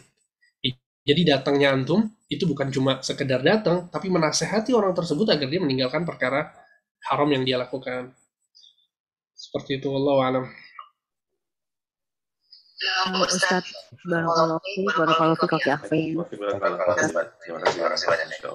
Alhamdulillah dan kita bersyukur ya banyak teman-teman yang apa usaha membuka tempat kopi yang nggak ada tempat masuk hal-hal haramnya masya Allah yang bisa kita kunjungi kita ketemu di sana masya Allah. Terima kasih Mbak Dewi atas pertanyaannya dan selanjutnya ada uh, Sister Imais untuk bisa bertanya kami silakan. Baik, Assalamualaikum warahmatullahi wabarakatuh. Waalaikumsalam. Waalaikumsalam. Alam Ustaz, Ana izin bertanya perihal tadi. Maksiat di saat sendiri. Nah, kalau ini hmm. lebih jatuhnya ke frekuensinya apabila maksiat itu dilakukan di kala sendiri setiap hari atau di momen misalnya hmm. satu kali misalnya itu dan kalau misalnya gini orang itu bermaksiat di kala sendiri, sendiri uh, setelah itu, dia sadar, cepat sadar, dia beristighfar, terus dia bertobat, apakah, apakah pahala yang sudah dilakukan sebelum-sebelumnya hapus begitu saja Ustaz? Lalu bagaimana, cara kita membentengi diri untuk istiqomah agar tidak uh, menikmati maksiat di kala sendiri Ustaz? Jazakallahu khair, barakallahu fiik Ustaz. Baik, barakallah. Silakan, silakan Ustaz. Baik. Um, Wallah alam ya, karena nggak dapat penjelasan itu apakah sekali atau atau menjadi kebiasaannya. Ya, wallahu alam untuk ke pertanyaan yang pertama itu. Tapi untuk pertanyaan yang kedua, ya untuk pertanyaan yang kedua, apakah bakal kembali lagi atau tidak? Maka seluruh dos uh, seluruh pahala yang terhapus, seluruh pahala yang terhapus, kalau kita uh, menyesali dengan sebab terhapusnya do, pahala kita, sehingga kemudian kita menjadi orang yang lebih baik lagi, maka pahala itu akan kembali lagi kepada kita. Ya, dan ini di antara rahmat Allah kepada kita gitu ya. Bahkan, bahkan uh, orang kafir yang dia apa namanya nggak beriman kepada Allah. Kalau dia kemudian masuk ke dalam Islam, maka kebaikan-kebaikan yang dia lakukan ketika dia masih kafir itu dihitung oleh Allah Subhanahu wa taala sebagai pahala bagi dia ketika dia masuk Islam. Tentu bayangkan ya. Jadi jangankan kita yang muslim nih yang do, pahala kita terhapus. Orang kafir aja ya kebaikan yang dia sudah lakukan itu menjadi pahala. Padahal kita tahu orang kafir yang nggak ada bukan nggak ada ikhlasnya, nggak ada ketika dia melakukan kebaikan ya. Betul-betul kebaikannya itu bukan berdasarkan agama kan karena dia masih kafir, tapi itu terhitung pahala ketika dia masuk Islam. Dalam sebuah hadis, hadis Hakim bin Hizam bahwa Rasulullah bahwa beliau uh, bertanya, wahai Rasulullah, ara'aita asya kuntu atahannatsu biha fil jahiliyah min sadaqatin aw ataqatin aw min silaturahim fahal fiha min ajr jadi Hakim bin Hizam ini seorang sahabat yang dulunya kafir, kemudian masuk Islam, kemudian bertanya kepada Rasulullah, Wahai Rasulullah, bagaimana dengan amal kebaikan-kebaikanku ketika aku masih di jahiliyah? Seperti sedekah, ya memberikan orang harta, kemudian membebaskan budak, bersilaturahmi, apakah aku mendapatkan pahala? Maka Nabi Shallallahu Alaihi Wasallam mengatakan, Aslamta ala masalafa min khair. Ya sesungguhnya engkau masuk Islam dengan membawa pahala-pahala kebaikan yang kamu lakukan ketika kamu jahiliyah. Masya Allah. Maka uh, Ibnu Battal dalam syarah uh, Sahih Bukhari beliau mengatakan makna hadal hadis arti dari hadis ini adalah anna kulla musyrikin aslama annahu yuktabu lahu ajru kulli khairin amilahu qabla Islam. Bahwa setiap orang yang musyrik kemudian dia masuk Islam maka akan dituliskan pahala yang dari kebaikan yang pernah dia lakukan sebelum dia masuk sebelum dia masuk Islam. Ya, kemudian um, seperti itu. Ya, ini kebetulan banget karena lagi pegang buku yang menjelaskan tentang masalah ini dan ditanya jadi anak langsung bacakan perkataan ulama dan banyak dalil-dalilnya. Ini disebutkan ada empat dalil yang menjelaskan tentang hal tersebut. Maka para ulama mengatakan nih bahwa ketika orang kafir saja pahalanya bisa didapatkan, gitu kan ketika dia masuk Islam maka apalagi seorang yang bertobat. Kemudian juga ada sebuah uh, riwayat yang disebutkan bahwa seorang sahabat itu uh, suka disalami sama malaikat, suka disalami sama malaikat. Ya, ketika dia melakukan satu perkara, lantas malaikat ini tidak kembali menyalami uh, sahabat ini Akhirnya dia pun menyesali perbuatan tersebut. Ya, dia nggak mau mengulanginya lagi, maka kemudian malaikat ini kembali menyalaminya. Jadi menunjukkan bahwa ketika seorang memiliki keutamaan, kemudian hilang darinya, kalau dia menyesal dan uh, dia memperbaiki perbuatannya, maka keutamaan itu akan kembali kepadanya. Seperti itu, Allah alam. Demikian jawaban uh, Sisri Iman, Gambar Dewi, dan Allah atas uh, pertanyaannya dan izin akan diturunkan. Dan juga saat jawaban dari Ustadz tadi juga mungkin sedikit menjawab pertanyaan yang masuk via uh, YouTube Ustadz dan mungkin Ustadz bisa lebih memperdalam lagi. Kalau tadi orang kafir saya diampuni ini bagaimana saat dengan seorang muslim? Ada pertanyaan di YouTube saat ingin bertanya jikalau orang mencari nafkah dengan jalan yang haram atau syubhat lalu menjadi kaya atau mendapatkan uh, kekayaan harta dunia dengan pekerjaan haram dan syubhat tersebut. Lalu setelah itu baru tahu bahwa itu nggak boleh, bahwa itu tuh nggak halal. Kemudian dia bertobat. Lalu apakah harta-hartanya harus disedekahkan, disedekahkan semua atau bagaimana Ustaz? Ya, teringat sahabat Ana nih, Masya Allah ya. Wah, dia udah tobat nih dari musik gitu ya. Terus itu gimana tuh? Harta-harta yang lu didapetin gitu kan? Uang-uang dan sebagainya. Ini gimana tolong dijelaskan kembali Sat buat teman-teman kita. Iya iya iya. Itu sahabat antum sahabat anda juga kayaknya tuh kan Masya Allah Masya Allah semoga menjaga beliau dan kita semua sedih Masya Allah ini uh, satu hal yang apa ya maksudnya seseorang itu nggak boleh bicara tanpa ilmu. Ya nggak boleh bicara tanpa ilmu Allah Subhanahu wa taala mengatakan wala taqfu ma laysa laka bihi ilm inna sam'a wal basara wal fuada kullu ulaika kana kana anhu mas'ula. Ya, jangan kalian bersikap tanpa ilmu. Sesungguhnya hati, pendengaran, penglihatan itu semua akan ditanya oleh Allah Subhanahu wa taala. Sehingga kita nggak boleh uh, menyatakan bahwa ini hartanya haram nih, harus dibuang, harus ini, harus itu Nah ini berdasarkan apa dia berbicara seperti itu? Ya apalagi ini bicaranya tentang agama.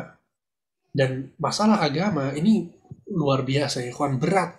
Seseorang itu berat untuk berbicara tentang masalah agama. Bahkan para sahabat radhiyallahu anhum wa mereka ketika mendapat satu pertanyaan dan pertanyaan itu ditanyakan kepada teman mereka, mereka merasa lega bahwa bukan mereka yang ditanya. Sampai satu riwayat disebutkan bahwa ketika pertanyaan itu ditanyakan kepada seseorang sahabat, kemudian dilempar kepada sahabat yang lain. Coba tanyakan kepada si Fulan. Si Fulan melemparkan kepada sahabat yang lain. Terus begitu sampai kembali kepada orang yang pertama. Saking waroknya mereka, khawatirnya mereka untuk berbicara tanpa ilmu. Abu Bakar radhiyallahu anhu ardah mengatakan ayu samain Abu Bakar pernah ditanya tentang tafsir sebuah ayat. Ya, wahai Abu Bakar, apa maksud dari ayat ini dan ini? Apa kata Abu Bakar? Ayu samain tudhilluni wa ayu ardin tuqilluni an atakallama fi kitabillah ma laysa li ilm. Langit apa yang ada di atasku dan bumi apa yang ada di bawahku sehingga aku ber, ber, ber, berani untuk berbicara tentang uh, tafsiran ayat Al-Quran tanpa ilmu. Maksudnya Abu Bakar khawatir kalau dia bicara tentang satu ayat tanpa ilmu. Ya, apa dan Allah Subhanahu wa taala juga mengatakan dalam surat An-Nahl ayat 116, "Wala taqulu lima tasifu alsinatukumul kadhib, hadha halalun wa hadha haram, litaftaru 'ala Allahil kadhib. Innal ladzina yaftaruna 'ala Allahil kadhiba la yuflihun." Kata Allah Subhanahu wa taala, jangan kalian menyebutkan dengan lisan-lisan kalian dengan berdusta mengatakan ini halal dan ini haram sebagai bentuk dusta kepada Allah Subhanahu wa taala. Lihat Ya, jadi Allah menyebutkan bahwa orang hati-hati nggak boleh lisannya mengatakan ini halal, ini haram, padahal tidak demikian. Ya, Innal ladzina yaftaruna 'ala Allahil kadzib la yuflihun. La yuflihun. Sungguhnya orang-orang yang berdusta atas nama Allah, ya, itu mereka tidak akan beruntung. Tidak akan beruntung. Maksudnya ini ancaman-ancaman seperti ini harusnya orang hati-hati. Ya, jangan bicara kalau kita nggak tahu, ya. Jangan bicara kalau kita nggak tahu. Apa yang harus kita lakukan? Fas'alu ahla dzikri kuntum la ta'lamun. Kita tanya orang yang berilmu. Ya, kalau kalian tidak tahu kata Allah Subhanahu wa taala. Dan secara spesifik permasalahan ini ini sering ditanyakan ya kawan ya. Jadi bahkan ketika Anda masih kuliah di Madinah, itu banyak teman-teman yang tanya. Anda punya teman kerja di Australia. Di Australia sebagai apa? Dia sebagai uh, kerja di satu restoran yang di situ jual macam-macam. Jadi kadang dia delivery uh, daging babi juga, homer juga. Al-Muhim saling tolong menolong dalam hal-hal yang diharamkan. Ya ini kan jelas-jelas haram. Kemudian dia tanya, ya minta uh, pertanyaan, uh, tanya. Kemudian anak katakan ketika itu, anak bilang waduh anak nggak berani jawab. Ya apalagi tentang kerjaan orang, ya kan? Biasanya tentang kerjaan orang itu sensitif banget ya kalau, di, kalau dijawab haram. Sehingga anak katakan coba anak tanya uh, Syekh di Madinah. Anak akhirnya tanya anak datang ke Syekh Abdul Muhsin Abbad. Beliau abahnya Syekh Abdul Razak. Anak tanya ke beliau, kata Syekh haram ya akhi. Nggak boleh. Itu saling tolong-menolong dalam keburukan, dalam dosa dan maksiat. Ya, nggak boleh kita bantu orang jualan daging babi atau jualan khamar. Kemudian anak tanya lagi, wahai Syekh, kemudian harta yang dia sudah dapatkan selama ini seperti apa? Apakah harus dibuang? Apa kata Syekh? Enggak, harta yang udah dia dapatkan sebelum dia tahu itu halal bagi dia. Itu halal. Ya ini apa ya? Ya ini fatwa dari Syekh Abdul Masih Abad dan ini yang disebutkan oleh banyak ulama. Ya sehingga itu dia. Ya kita kadang yang ngeselin ya Kang ya. Um, jadi dia karena sebetulnya ini bukan orang-orang yang mengatakan seperti itu yang ini harusnya dibuang nih hartanya dan lain sebagainya Oke, maksudnya apa? Apakah maksudnya mengikuti Al-Quran dan Sunnah? Kalau mengikuti Al-Quran dan Sunnah, dia harus mengatakan bahwa musik itu haram. Ya, jadi jangan comot sebagian-sebagiannya aja, kemudian untuk memojokkan orang. Nggak boleh. Ya, sehingga itu yang anda ketahui, dan itu yang difatwakan oleh para ulama, gitu ya. Wallahu alam. Karena memang, uh, oh ya, anda tambahkan juga, karena memang seorang itu nggak di, apa ya, ketika dia tidak tahu, ya, ketika dia tidak tahu, maka seorang itu dimaafkan ya, atas ketidaktahuannya. Ya beda halnya kalau dia tahu tapi dia masih mengerjakan, tapi dia nggak tahu. Dan alhamdulillah ketika seorang itu mengetahui, kemudian dia rujuk kepada Allah bertaubat, maka uh, jawabannya seperti itu. Ya Allah a'lam. Masya Allah. Masya Allah. Menarik faedah dari Ustaz kali ini ya. Ketika seorang hijrah dari musik dia bertobat, dia tetap mengenalkan musiknya, tapi posisi hijrah si orang ini dia dia celak saja. Sure. Nah itu dia makanya bukannya didukung ya kan Allah Ustaz Halo Ustaz. Baik Ustaz, tadi pertanyaan dari YouTube yang pertama dan juga pertanyaan dari YouTube yang kedua, Ustaz. Uh, mohon izin. Uh, Ustaz, ketika bertobat, kadang muncul uh, bersamaan merasa diri lebih baik atau suci, itu merasa Alhamdulillah ini udah tobat nih, Ustaz. Sedangkan dalam agama kita tahu Allah dan Rasulnya melakukan kita merasa suci, Ustaz. Bagaimana uh, menyikapinya ketika rasa puas diri atau merasa lebih baik ini muncul? Ini yang disebut dengan penyakit ujub. Ya, dan ini bahaya banget. Nabi SAW mengatakan salah sun muhlikat. Ada tiga perkara yang menghancurkan diri seseorang. Syuhun muta' wa hawan muttaba' wa an ya'jabal mar'u binafsih. Yaitu rasa pelit, sifat pelit yang diikut yang dia lakukan kemudian hawa nafsu yang dia ikuti, kemudian yang ketiga adalah ketika seseorang itu merasa ujub dan bangga dengan dirinya sendiri. Ya, jadi ini biasanya orang-orang yang seperti ini dia lupa ya untuk bersyukur kepada Allah. Dia lupa bahwa hidayah itu di tangan Allah. Dia lupa bahwa yang menggerakkan hatinya untuk melaksanakan kebaikan, meninggalkan dosa, itu hanya murni dari Allah subhanahu wa ta'ala. Kalau bukan karena Allah, maka kita nggak bakal sholat laulallah mahtadaina wala sallaina wala tasaddaqna kata Nabi SAW kalau bukan karena Allah kita nggak akan sholat kita nggak akan sedekah ya sehingga kita harus yakin semua kebaikan yang kita lakukan itu murni dari Allah nggak ada unsur karena kita hebat tuh nggak ada ya jadi um, oleh karena itu Allah Subhanahu Wa Taala dalam surat Al-Fatihah juga mengatakan iya karena budu wa iya karena stain hanya kepadamu kami beribadah dan hanya kepadamu kami meminta pertolongan Kenapa disebutkan meminta pertolongan setelah ibadah? Kata para ulama, karena ibadah yang kita lakukan itu nggak mungkin bisa dilakukan tanpa pertolongan dari Allah Subhanahu wa taala. Ya sehingga um, seseorang harus ya banyak-banyak um, baca uh, kitab yang berkaitan tentang sifat-sifat Allah, ya nama-nama Allah, bahwa Allah Subhanahu wa taala memberikan hidayah, Allah Al-Hadi. Ya, ini penting sekali untuk orang tersebut. Ya. Seperti itu Allah alam. Baik, Masya Allah. Uh, demikian jawaban dari Ustaz. Masih banyak yang raise hand untuk bertanya, juga masih banyak pertanyaan yang khusus YouTube, tetapi kita telah pukul 21.30. Dan mohon izin saja kita akan extend, ada extra time nih Insya Allah nggak dua kali lima belas nggak Ustaz. Tapi kita akan extra time untuk empat pertanyaan aja nih Masya Allah. Karena kita ada amanah hadiah buat teman-teman dari Drabanian Izzah Masya Allah.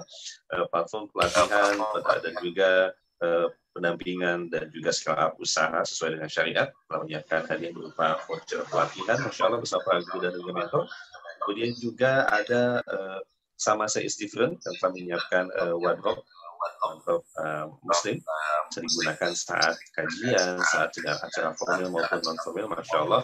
Kemudian juga alhamdulillah akan ada hadiah dari uh, Mami dari saham Mami yang telah dirintis dari tahun 2020 ada salad rolls, ada minuman, kemudian juga dessert cake, nanti bisa dicek di, di Instagramnya dihasilkan hadiah. Kemudian juga ada dari by RNR yang telah dari Januari 2021. Ada hadiah berupa pakaian muslimah ya, ada home dress, kemudian juga abaya, mukena dan juga lain sebagainya. Masya Allah, ih, hadiah menarik ya. Baik, Ustaz mungkin berkenan untuk bisa uh, kita akan menyiapkan empat pertanyaan Ustaz.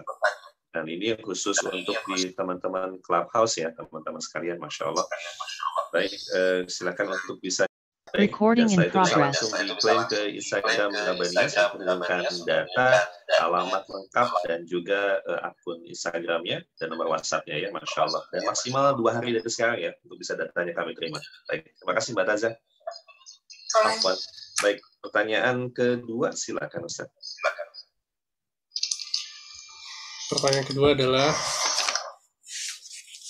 seperti apa Allah Subhanahu wa taala memerintahkan taubat Bani Israel kaumnya Nabi Musa. Baik, silakan. Baik, silakan.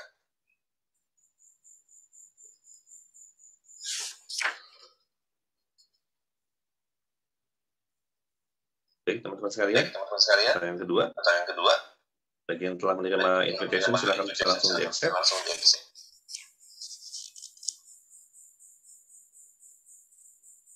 Baik. Bagaimana Kang Denny? Uh, Mas Muhammad silakan direspon. Silakan, Ah Muhammad.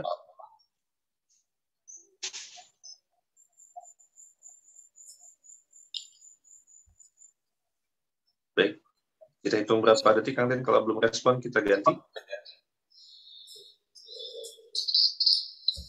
Uh, ada izin ganti ya. Baik. Baik, dua kali tangkap tiga kali. Teman-teman yang langsung dapat invitation, langsung di accept ya. Silakan Sandy. Bismillah, Assalamualaikum Ustaz. Baik, Asandri. Assalamualaikum warahmatullahi wabarakatuh. Langsung jawabannya Asandri. Yaitu Allah memerintahkan untuk saling membunuh Ustaz. Barakallahu fiik, sahih ya akhi. Syukron, syukron kasiron. Jazakallah khair. Silakan Nah Sandri langsung di oh, langsung di, langsung di foto tuh ya. Oh, oh di profil ya. Foto profil. Ya langsung screenshot nih, masya Allah.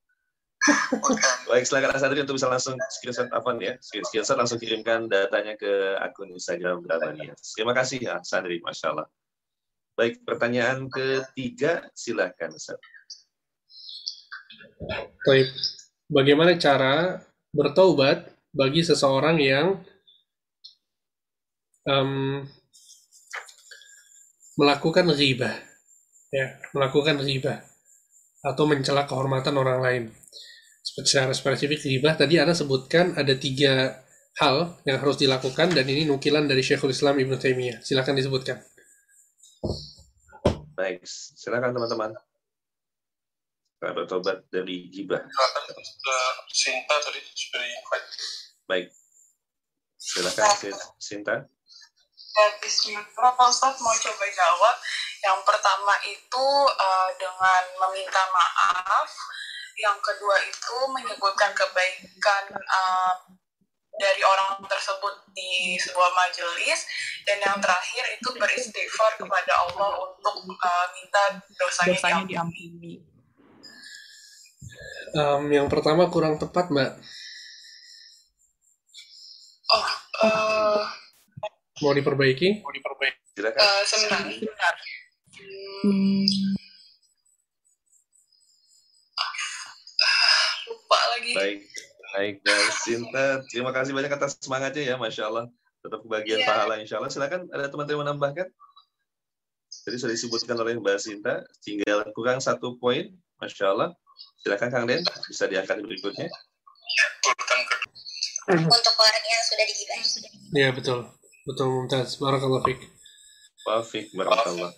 Selamat kepada kedua yang telah menjawab ya, Mbak Sinta maupun Mbak Yasmin, tetapi mohon izin untuk hadiahnya untuk Mbak Yasmin ya, Masya Allah. Baik, baik terima kasih banyak Mbak Yasmin, Mbak Sinta. Mbak Yasmin silakan bisa langsung eh, screenshot dan langsung kirimkan data ke akun Instagram Diabas. Terima kasih. Baik, pertanyaan keempat Ustaz, silakan. Eh, tadi Ana luruskan sedikit ya. Jadi tadi yang menjawab pertama itu menyebutkan minta maaf. Ya justru itu yang dilarang sama para ulama. Ya, kalau kita menghibah orang, justru jangan kita minta maaf sama dia. Karena itu mafsadatnya nanti bakal lebih besar. Eh, Ibnu Qayyim mengatakan itu bakal ada ighalus sudur. Ya, jadi hati orang tersebut bakal benci sama kita. Kemudian Syekh Ibnu Qayyim juga menyebutkan hal yang sama. Ya orang malah yang tadinya baik-baik aja keadaannya nanti malah bakal ribut gitu ya. Kalau kita minta maaf kita ngaku gitu bahwa kita pernah menggibah dan seterusnya. Jadi itu nggak perlu nggak perlu minta maaf ke orang yang langsung ya tapi tiga hal yang tadi disebutkan oleh penanya kedua yaitu bertobat kepada Allah yang pertama itu harus kemudian yang kedua menyebutkan kebaikan orang tersebut di majelis yang pernah kita gibah dan yang ketiga beristighfar untuk orang tersebut. Ya Baik. Eh, pertanyaan berikutnya ya Baik, Masya Allah. Saya berikutnya, Ustaz. Yang berikutnya adalah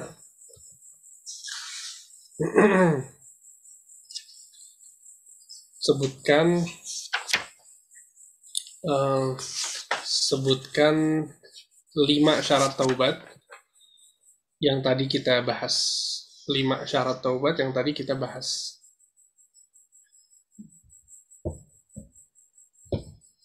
Baik, silakan.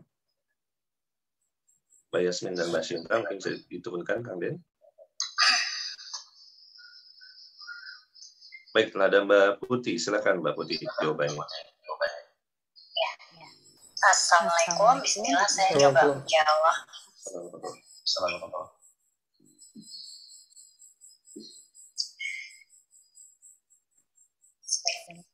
Afan lagi oke catatannya lagi. Baik. Baik.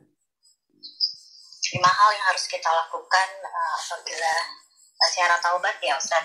Hmm. Yang pertama, meninggalkan maksiat dari yang kita eh, meninggalkan maksiat Eh, dari yang kita berdosa di berdosa di sana. yang kedua yang kedua, berkeinginan kuat kuat untuk untuk tidak kembali pada dosa dosa tersebut tersebut. Eh, disebut Disebut dengan dengan al-azm. Yang ketiga kita harus menyesali dosa eh, Eh, dosanya. Eh, lalu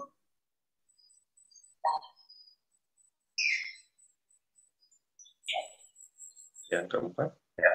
Ya, ditambah yang keempat jika Ya, Yang yang keempat keempat, apabila eh, berhubungan dengan orang lain itu ya Ustaz, apabila berhubungan dengan eh, manusia lain, maka kita harus eh, harus kembali eh, apabila berkaitan dengan hak orang lain, maka ditambah syarat keempat yaitu mengembalikan hak orang lain yang sudah dirampas. Yaitu eh, apabila ada kita melakukan kezaliman pada diri seseorang, kezaliman pada harta seseorang, dan kezaliman pada kehormatan seseorang. Ya hal ini harus dihalalkan. dihalalkan. Yang kelimanya em, harus ada keikhlasan. Masya Allah, Barakallahu Fik, betul. Maksudku Allah, Masya Allah. Selamat Menjelang Shine sama saya Istiqlal dan juga by RNR Official. Dan juga silakan bagi yang telah menerima hadiahnya, ya jangan lupa infokan juga ke kita ya dengan mungkin bikin akun uh, bikin story bahwa uh, hadiah telah diterima, silakan bisa di tag uh, Grabanias dan juga uh, pengirim hadiahnya ya, Masya Allah. Baik, Alhamdulillah teman-teman sekalian telah kita jalani bersama kajian kita pada malam ini. Ustaz, barangkali ada penutup terkait materi kita pada malam ini. Ustaz, silakan. طيب إخواني وأخواتي في الدين رحمني ورحمكم الله جميعا tidak ada yang lebih penting yang harus kita lakukan setiap hari daripada bertobat. Ya. Uh, Amr bin Al-As radhiyallahu an, seorang sahabat Nabi yang mulia, beliau ketika mau masuk Islam, beliau maju mundur. Kemudian Nabi berkata kepadanya, wahai Amr, kenapa maju mundur? Ayo, maju, masuk Islam, berbaiatlah. Maka Amr mengatakan, hatta ashtarit. Aku mau masuk Islam tapi ada syaratnya. Nabi mengatakan, apa syaratnya? syaratnya adalah dosa-dosaku yang telah lalu dihapuskan. Subhanallah. Antum lihat fikih kecerdasan dari seorang Amr bin As. Padahal dia belum masuk Islam loh ya. Tapi dia tahu bahwa di situ ada kesalahan-kesalahan, ya, ada keburukan-keburukan yang dia lakukan. Dia pengen itu semua dihapuskan. Rasa yang ada di Amr bin As ini seharusnya ada di hati kita semua. Kita nggak pengen ada bekas dosa, bekas kesalahan. Kita pengen dihapus semuanya. Ini yang Amr bin As persyaratkan kepada Nabi untuk masuk Islam. Maka Nabi SAW mengatakan, Ya Amr, wahai Amr, Ama ta'alam, tahukah engkau, annal Islam yajubu maqablah, bahwa Islam itu akan menghapuskan dosa-dosa sebelumnya. Wa annal hajja yajubu maqablah, dan bahwasanya haji itu akan menghapuskan dosa-dosa sebelum haji. Kemudian yang ketiga kata Nabi wa anna taubata tajubu maqablaha dan sesungguhnya bertaubat itu akan menghapuskan dosa-dosa seluruhnya sebelumnya. Ya sehingga semoga semoga uh, apa yang kita bahas pada malam ini berbekas ya dengan uh, kita lebih rajin lagi untuk bertaubat ya lebih uh, apa namanya sadar lagi tentang bahayanya dosa dan itu harus dihapuskan jangan sampai berbekas jangan sampai Allah Subhanahu wa taala ya apa namanya membalas kita dengan balasan yang yang yang buruk karena dosa yang kita lakukan. Semoga apa yang disampaikan bermanfaat. Semoga Allah Subhanahu wa taala memberikan taufik kepada kita semua untuk senantiasa melakukan amal soleh secara secara khusus bertobat kepada Allah Subhanahu wa taala. Kita tutup dengan doa kafaratul majlis. Subhanakallahumma bihamdika asyhadu an la ilaha illa anta astaghfiruka wa atubu ilaik. Wassalamualaikum warahmatullahi wabarakatuh. Waalaikumsalam warahmatullahi wabarakatuh. Ucapkan syukur jazakallahu khairan kepada Ustaz Taala. Demikian teman-teman sekalian kajian kita pada malam ini. Jangan lupa untuk bisa juga teman-teman sekalian mensupport kegiatan operasional dakwah kita di nomor rekening yang telah disediakan teman sekalian. Dan untuk donasi operasional bisa dikirimkan ke Bank BSI nomor rekening 8099091980 atas nama Yayasan Kajian Islam Asia. Alhamdulillah kita menjalankan kajian rutin setiap Rabu malam, kemudian juga kita memproduksi konten video podcast banyak stop, kemudian juga kita memproduksi apa namanya konten-konten dakwah yang kita tayangkan di Instagram, YouTube maupun Spotify dan tentunya akan ada program-program kebaikan yang lainnya. Nantikan terus uh, produk-produk kebaikan kita bersama di akun-akun Mesras Drabanias dan juga mohon doanya semoga memudahkan kita untuk bisa segera berjumpa kajian offline ya udah kangen banget Al Azhar. Mohon doanya semoga memudahkan. apa waktunya waktu terus berdoa kita yakin optimis Allah akan mudahkan kita untuk bisa kembali berjumpa di kajian offline di Masjid Al Azhar insya Allah taala. Demikian teman sekalian kajian kita pada malam ini. Terima kasih banyak kembali kepada sama Istighfar kemudian juga Mami Shan by, by RNR Official, kemudian juga menuju Izzah, Jazakumullah khair, dan kita akan berjumpa kembali di beberapa datang. Jangan lupa kita bertemu rutin setiap Rabu malam, insya Allah. Saya Alvin Abu Anas untuk pamit dan juga dengan kandinya Boleka. Kita akan tutup.